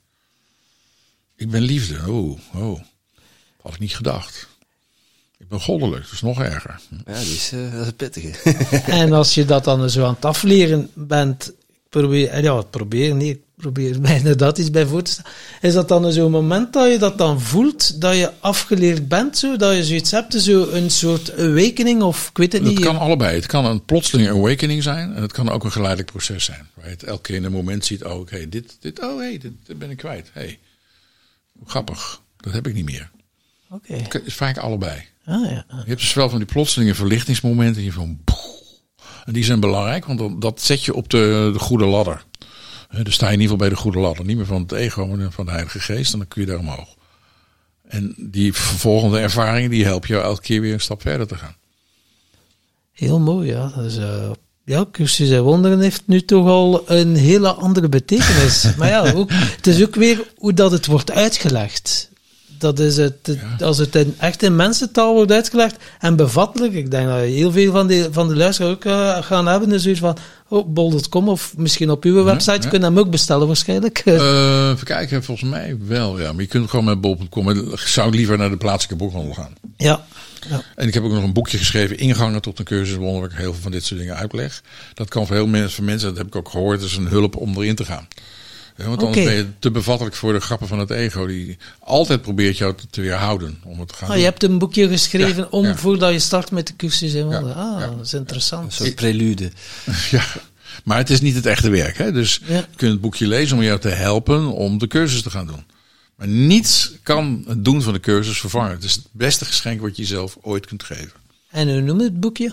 Ingangen tot een cursus. in wonderen. Ingang, ja. En misschien, eh, ja, ik weet niet, als je zo hier nog een boekje liggen hebt, kunnen we aan onze luisteraars, een van Ik onze luisteraars, of ik, of ik er een eh, gelukkig maken of zo. Ja, zou misschien prima. wel Ik tof zal even kijken of ik er een heb liggen Ja, hier. tof, tof. Ze tof. liggen wel thuis, maar of ik ze allemaal hier heb, dat weet ik niet. Ja, fijn. Anders knip je dit gewoon weer uit als, het, als ik hem niet had. Dat gaan we sowieso niet doen. Dus, ik weet dat jij niet van het knippen bent. nee, daar hebben we weer werk aan. eh, nee. Eh, onze podcast, eh, Willem, eh, die gaat over geluk en succes. Mhm. Je hoorde het al bij de intro. Jou, wij zijn, eh, we, pretenderen jouw GPS naar geluk en succes. Ja, Eh, maar we vragen aan iedere gast wat voor hun ja, dat betekent. Wat, wat betekent geluk voor jou? geluk betekent niet aan de kant van het ego zijn. Want dat betekent ongeluk. Dus als je aan de andere kant bent, dan ben je eigenlijk al, al gelukkig. En dan, dan ben je vredig, dan, dan ben je creatief, dan gebeuren die dingen. Dan gebeuren er wonderen in je leven. Dan hoef je, ja, je bent niet meer zelf aan het plannen. Dingen komen naar je toe. En jullie zijn ook naar mij toe gekomen. Ik heb nooit tegen jullie gezegd, ik wil graag in jullie podcast. Nee, dat doe ik ook niet. Maar ik zie dus dat al die dingen gewoon vanzelf komen. Ja, dat, ik ben een heel gelukkig mens op alle gebieden. Er zit niets meer in wat ik zeg van nou, daar ben ik niet gelukkig. Nee. Mijn werk wat ik doe, eh, mijn vrienden, natuurlijk mijn kinderen, mijn kleinzoon. Ja. Dus dat is voor mij geluk, dat, dat, dat je vanuit liefde mag leven. En dan voel je je hart, je voelt je hart in al die dingen. Wauw, wat gebeurt hier nu weer? En ik heb echt een waanzinnig mooi leven. Het ene prachtige ding na het andere gebeurt er. Ik weet ook niet hoe en zo, maar het gebeurt. Soms echt vijf, zes van die dingen in één week. Dan denk ik van, nou, dat ben je niet met de behappen, weet je. Of zo, gelukkig. Ja. Even pinchen of je nog wakker bent. nou, dat ben ik dan echt wel. Dat zie je echt. Dus dat, is, dat, ja, en dat brengt vanzelf. Succes vind ik altijd een raar woord, omdat er het ego weer tussen kan zitten. Dus wat het doet, is je, je, je ziet jezelf gelukkig zijn. Je ziet wat er in je leven gebeurt. En je ziet dus de gevolgen van jouw innerlijke houding in je leven weerspiegeld. Nou, dat mag je succes noemen, maar ik vind, ik vind het een raar woord. Het is meer het, het, het wereldlijke succes en daar gaat het mee over. Maar je ziet dus van dat het uit je komt en dat je, ja, het weerspiegelt zich terug naar je. ja, je, je, merkt dat er gewoon steeds meer een groter veld van liefde ontstaat. Dat je steeds meer mensen tegenkomt die ermee bezig zijn. Wow, weet je, dat. Dat is voor jou succes. Ik zeg ook, ik vind het een raar woord. Ja, dat is een raar woord. Nou, valt wel mee. Het zijn uh, zes letters. Maar ja. Als je het omdraait. Uh, nee, in dit geval niet. Maar, maar ja, een, een raar woord. Uh, je, hebt, je hebt daar verschillende interpretaties van natuurlijk. Hè? Dus maar wat je er zelf aan toedicht. Dus ik vraag me af waarom jij dat dan een raar woord vindt. Nou, ik heb het net uitgelegd. Ja, omdat het het wereldse... Het wereldse en het ego weer erachter zit. dat, dat is vaak waar, waar je moet succesvol zijn. Pff, vermoeiend. Dus heel veel kinderen worden dan daar ook ingedrukt. Je moet succes, je moet winnen, je moet, uh, moet goede cijfers halen. Dat is het allemaal niet. En wat is het dan wel, volgens jou? Dat is dat wat er van binnen is, dat het naar buiten komt. En dat je dat gaat zien. Dat je dus in je eigen leven rondkijkt en ziet van wauw, wat gebeurt hier allemaal? Dat betekent dus dat ik waarschijnlijk hier iets van liefde naar buiten heb gestraald. Dat het nu naar me terugkomt. En wat is daar zo raar aan? Daar, daar is niks raar aan. Oh, oké. Ja, ja. Nee, het is alleen dat, dat verhaal van het ego wat raar is. Ja. Dat je gedwongen wordt om succesvol te zijn. Nou ja, schij uit. Ja, als je het zo succes zo omschrijft, dan, uh, dan was ik misschien wel blij geweest als ik me daar, uh, als, als ze uh, daarin gedwongen was om. ja, maar dat, dat, dat, is, niet, dat is niet te dwingen. Nee, liefde kan niet gedwongen worden. Ja. Ja, en liefde dwingt ook niet. Het is tot ontstaat. Dus als je een kind probeert te dwingen in succes, zelfs in dit soort succes, gaat bijvoorbeeld al niet werken. Stop maar. je kunt het kind voorleven hoe jij het doet. dat je voorleeft hoe, hoe, hoe liefde in werkt. In hele simpele dingen. samen verwonderen over die vogel, dat is ook liefde. En dat, en dat leef je voor. En het kind pakt dat op. En gaat vervolgens daar heel zijn eigen weg mee. Dat moet hij ook doen. Je moet het zelf ontdekken. En daarom vind ik de puberteit zo fantastisch. Want dan ga je afzetten tegen de dingen die je van je ouders gekregen hebt. Die denkt van, nou, die werken niet voor mij. Dus een heel noodzakelijke fase. Dat je gaat zeggen, wat werkt nou voor mij? Wat is nou voor mij de waarheid? Hm? Dus dan moet je vaak, hè, dat is mijn atheïstische periode geweest. Dat ik al die dingen van het katholicisme overboord heb gegooid. En vervolgens ging kijken, maar wat is er dan wel?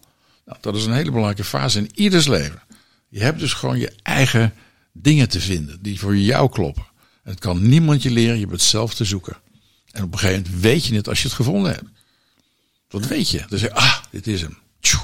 Je voelt het, er is energie in. Eh, je merkt dat, dat je ogen gaan twinkelen, dat je gewoon wauw, je wil vooruit. Dan weet je, dit is het. Ja, het ego wil dat dan verspreiden en aan de ja, wereld kenbaar maken. Maar dan is de kunst om het te cultiveren. Ja. Om het bij je te houden en gewoon te kijken wat ermee gebeurt. En jij gaat niet over hoe het de wereld ingaat. Je hoeft het alleen maar uit te stralen en vanzelf komt er iets naar je terug. En moeilijker is het niet. Maar mensen ja, in de puberteit, je kunt dan struggelen, waaronder ik, en dan wel uh, verslavings, vers, verslavingsachtergrond. Uh, ja, alcohol, drugs, noem maar op. Dus, uh, maar ja, voor veel volwassenen blijft dat nog altijd. Ja, dus, kijk eens naar verslaving. Wat is dat? Ja, goede vraag. Daar wou ik net uh, oh, je naartoe gaan. naartoe. ik denk, laat ik hem jou vragen. Ja, wat, is, wat is verslaving? Uh, dat is iets, een oplossing van een probleem. Nee, het is een schijnoplossing van een niet bestaand probleem. Ja, ja dat is uh, nog iets uh, schijnaf. Ja, klopt inderdaad. Maar je kan zo afhankelijk ervan zijn. Ja. En ja, dan hoe raak je Het er... probleem wordt nu al opgelost. Ja. hoor. Dat- Dus kom je halen, Tom. Ja, dus eh, heel veel mensen hebben er met te kampen. Hey, laten we nu alcohol nemen. Dat Ja. is, eh, ja, ben een, ja, veel mensen, ik ben een sociale drinker. Hè, kan Mhm. nog functioneren, maar toch heeft zo'n impact op je leven. Het verwoest Ja. levens en zo. Ja, en, eh, Het vergiftigt je hele systeem. ja, en dan, eh, hoe raak je er vanaf? Is dat eh, ja, jezelf vergeven. Da- dat maar vergeven, zeker. niet vergiftigen dan. Maar, Ja, zeker. Als- Of als je te veel drinkt, overgeven. ja. En dan, overgave is ook altijd heel goed. Nee, wat, wat, vaak, eh, wat vaak belangrijk is, is te gaan kijken in jezelf wat de diepste reden is waarom je drinkt of waarom je drugs gebruikt. En vaak, als je dat echt eerlijk naar jezelf bent, dan zie je dat het een verdoving is voor pijn die je niet wil voelen. En als je dus die pijn wel aandurft te gaan, dan is op een gegeven moment de reden en de oorzaak van het drinken of het drugsgebruik verdwijnt. Dan verdwijnt dus ook alle symptomen waar we het net ook over hadden. Daar kan je een heel duidelijk voorbeeld van geven. Een jongen in, in de groep die ik begeleid, die eh, was vanaf zijn vijftiende was hij met wiet bezig. En hij had gewoon een soort waas in zijn hoofd. En in de groep vertelde hij één keer op een gegeven moment van, ja, dat hij dat steeds deed en dat hij er alsmaar niet van afkwam. En toen vroegen we van hem van wat is het moment dat je naar dat middel grijpt? Ik zei ja, als ik pijn voel, ik wil liefst pijn niet voelen. En toen riepen we ongeveer allemaal in koor, bel dan een van ons als dat gebeurt. Nou, dat heeft hij gedaan. Hij belde me een week daarna of zo op. En ik had al ergens een soort gevoel, dit gaat over de vergeving van zijn moeder. Dat, zijn moeder was alcoholiste en hij ging dit doen. Dus ik had daar een soort gevoel bij van, zit een relatie. Heeft zijn moeder vergeven. Hij is gestopt met alle drugs, alle drank. En dat is al heel wat jaar geleden en houdt het vol. Dus het is niet eens meer volhouden, het is gewoon weg. Ja, want eh, heel veel, als ik er zo over nadenk, het kan zo'n drang zijn dat het onbewust automatisch gaat en dat je zelfs al in dat patroon zit nog voordat je iemand kunnen bellen hebt. Ja, maar als je er al in zit, maakt niet uit. Dan komt een moment van bewustzijn. En dan is het moment dat je zegt, ik ga nu iemand bellen. Al ben je straalbezopen. Hè? Dat maakt helemaal niet uit. Ergens, je weet het namelijk. Alleen, je probeert het weg te douwen. Het ego probeert het graag in het onbewuste te stoppen, zodat je gewoon kunt door blijven gaan. Ja. Maar je weet het. Als je even stil bent erbij, dan weet je het altijd. Ja, klopt. Ja, inderdaad. Dat is Nou, iets... dan- eh, Dan weet je dus ook van waar je bezig bent om iets toe te dekken. Te verdoven, weg te duwen. en dan komen we weer bij die schaamte terecht. Blijkbaar is dat jouw thema. eh. Ja, dat heeft eh, lang, lang geweest, inderdaad. Eh, nu al vijf jaar ongeveer succesvol wel gestopt, maar Ja. heel herkenbaar. En ja, als je er middenin zit, je, ja, je moet er eerst bewust van zijn ook. Ja, dat En klopt. Dat, is, dat begint het weer mee natuurlijk. En, ja. En het ego probeert dat in het onderbewuste te houden. ja. Dan hoef je er niks mee te doen. Maar ja, dan komt het harder en harder naar boven. Ja, en, eh, je weet, ja, ik ben niet gelukkig. Het is een schijngeluk. Ik probeer iets toe te dekken. ja, Dan ben ik eventjes happy omdat ik gedronken heb of gebloot heb of weet ik veel wat. Maar ja, je weet dat het niet werkt. Je weet dat het maar heel kortstondig is. En dat het niet echt fundamenteel iets verandert. Dat kun je dus 20, 30 jaar volhouden. ja. De jongen waar ik het over heb, die heeft het 10 jaar volgehouden. Het is nu helemaal klaar. Is mooi. Ja, Dus het kan. Hè? Dat, dat wil ik er graag mee laten zien. Het kan dus echt. Maar je hebt inderdaad dat bewustzijn nodig om te zien van oké, dit is wat ik aan het doen ben. Op dit moment grijp ik daarnaar. Dat weet jij ook van jezelf, hè? Toen, je, toen je dat nog deed. ja. Wat de momenten waren. Ja, niet willen voelen. Hè. Eh, gewoon oh, bang om te voelen en bang om alleen te zijn, om mezelf tegen te komen. Eh, ja, die stilte, wow, dat was eh, wat pittig. Maar als ik er nu op terugkijk, denk ik, oh my god, wat heb ik mezelf allemaal wijs gemaakt. Maar ja, je hebt er wel precies. door te gaan. Hè. Dat Precies is inderdaad ja. wel... eh, ja, dat is Dus je wel- hebt jezelf van alles wijs gemaakt, dat klopt. En dat is dus het ego, hè? Ja, Wees daar ook helder in. Dat is niet jij die dat doet, het is je ego wat het doet. ja, Dat onderscheid is vaak heel goed en helder, zodat je niet je weer schuldig gaat voelen over het feit dat je dat hebt wijsgemaakt. Nee, dat heeft het ego gedaan. Ja, het oordeel mag ook weg. Ja, het oordeel mag ook weg. ja. Anders houdt dat de boel weer in stand. Hè, dan is dat weer een laagje het ego oh, kunnen we weer verder bouwen. ja, ja. Een nieuw gebouw optrekken. Ja, Mooi. Heftig. Ik heb, eh, mijn vragen zijn uitgeput. Mhm. Dus eh, en geluk en succes hebben we ook behandeld. ja. Ja, Dus mogen wij, een, eh, dan moet Even jij nog een vraag bedenken. Ja. Het is, even, het is wel proces hoor. Ja, dat, dat weet ik. Ja. En daarom werkt het ook. Hè, Dus als je dit al luistert, dan, dan ben je al in proces. En onderschat niet wat het dan kan doen voor je. Hè, Zo simpel als dit gesprek beluisteren, kan al heel veel voor je betekenen. Dat je dus niet meer in dat oude ego-verhaal stapt. En je gaat hem steeds beter herkennen. Ja, bedankt voor het cadeautje. Ja. Zeg je dank voor het betekenisloze commentaar. We hebben nog een, eh, wel nog een laatste vraag, hè, Tom. Ja, een vraag bedenken voor onze volgende gast. Weet je al wie de volgende gast is? Dat weten we, ja. Maar dat hoef je niet te vertellen. Nee, Maar nee. dat gaan we niet vertellen. Nee, dat, ik, ik, toen ik het vroeg, wist ik het al. Ego. Ja, een vraag voor, de, voor überhaupt.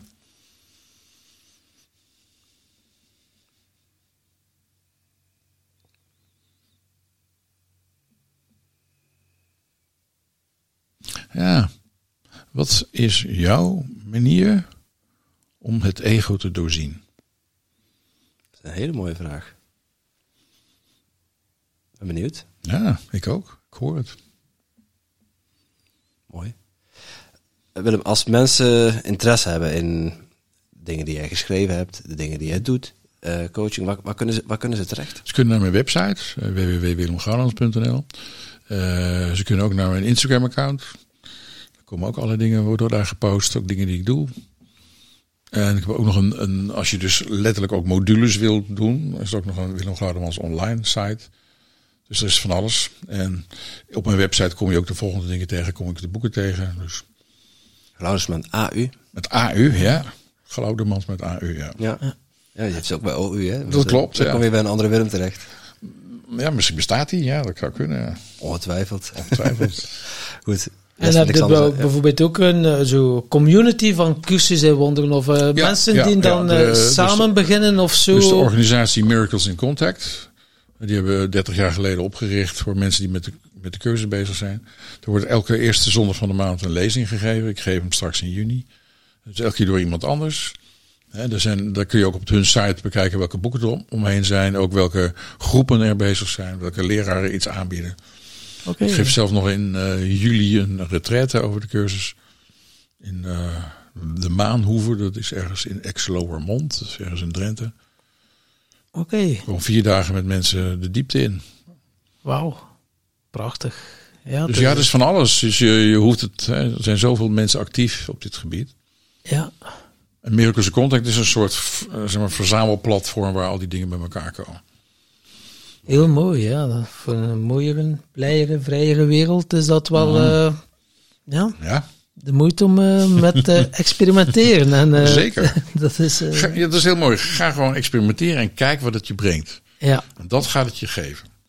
mooi. Ik wou nog een laatste tip vragen, maar dat is hij al. ja. Dankjewel, Willem. Dankjewel. Jullie ook dank je ja, voor de mooie vragen. En jij natuurlijk ook super bedankt om te luisteren naar deze podcast. Voel jij je geïnspireerd? Je zou ons een enorm plezier doen door ons 5 sterren te geven of een review achter te laten in jouw favoriete podcast-app. En wil je geen enkel inspiratiemoment missen? Abonneer je dan op onze podcast of volg ons op social media at Tim Tom Podcast. Oké, dan moet je ook terug aan de Tom. Hè?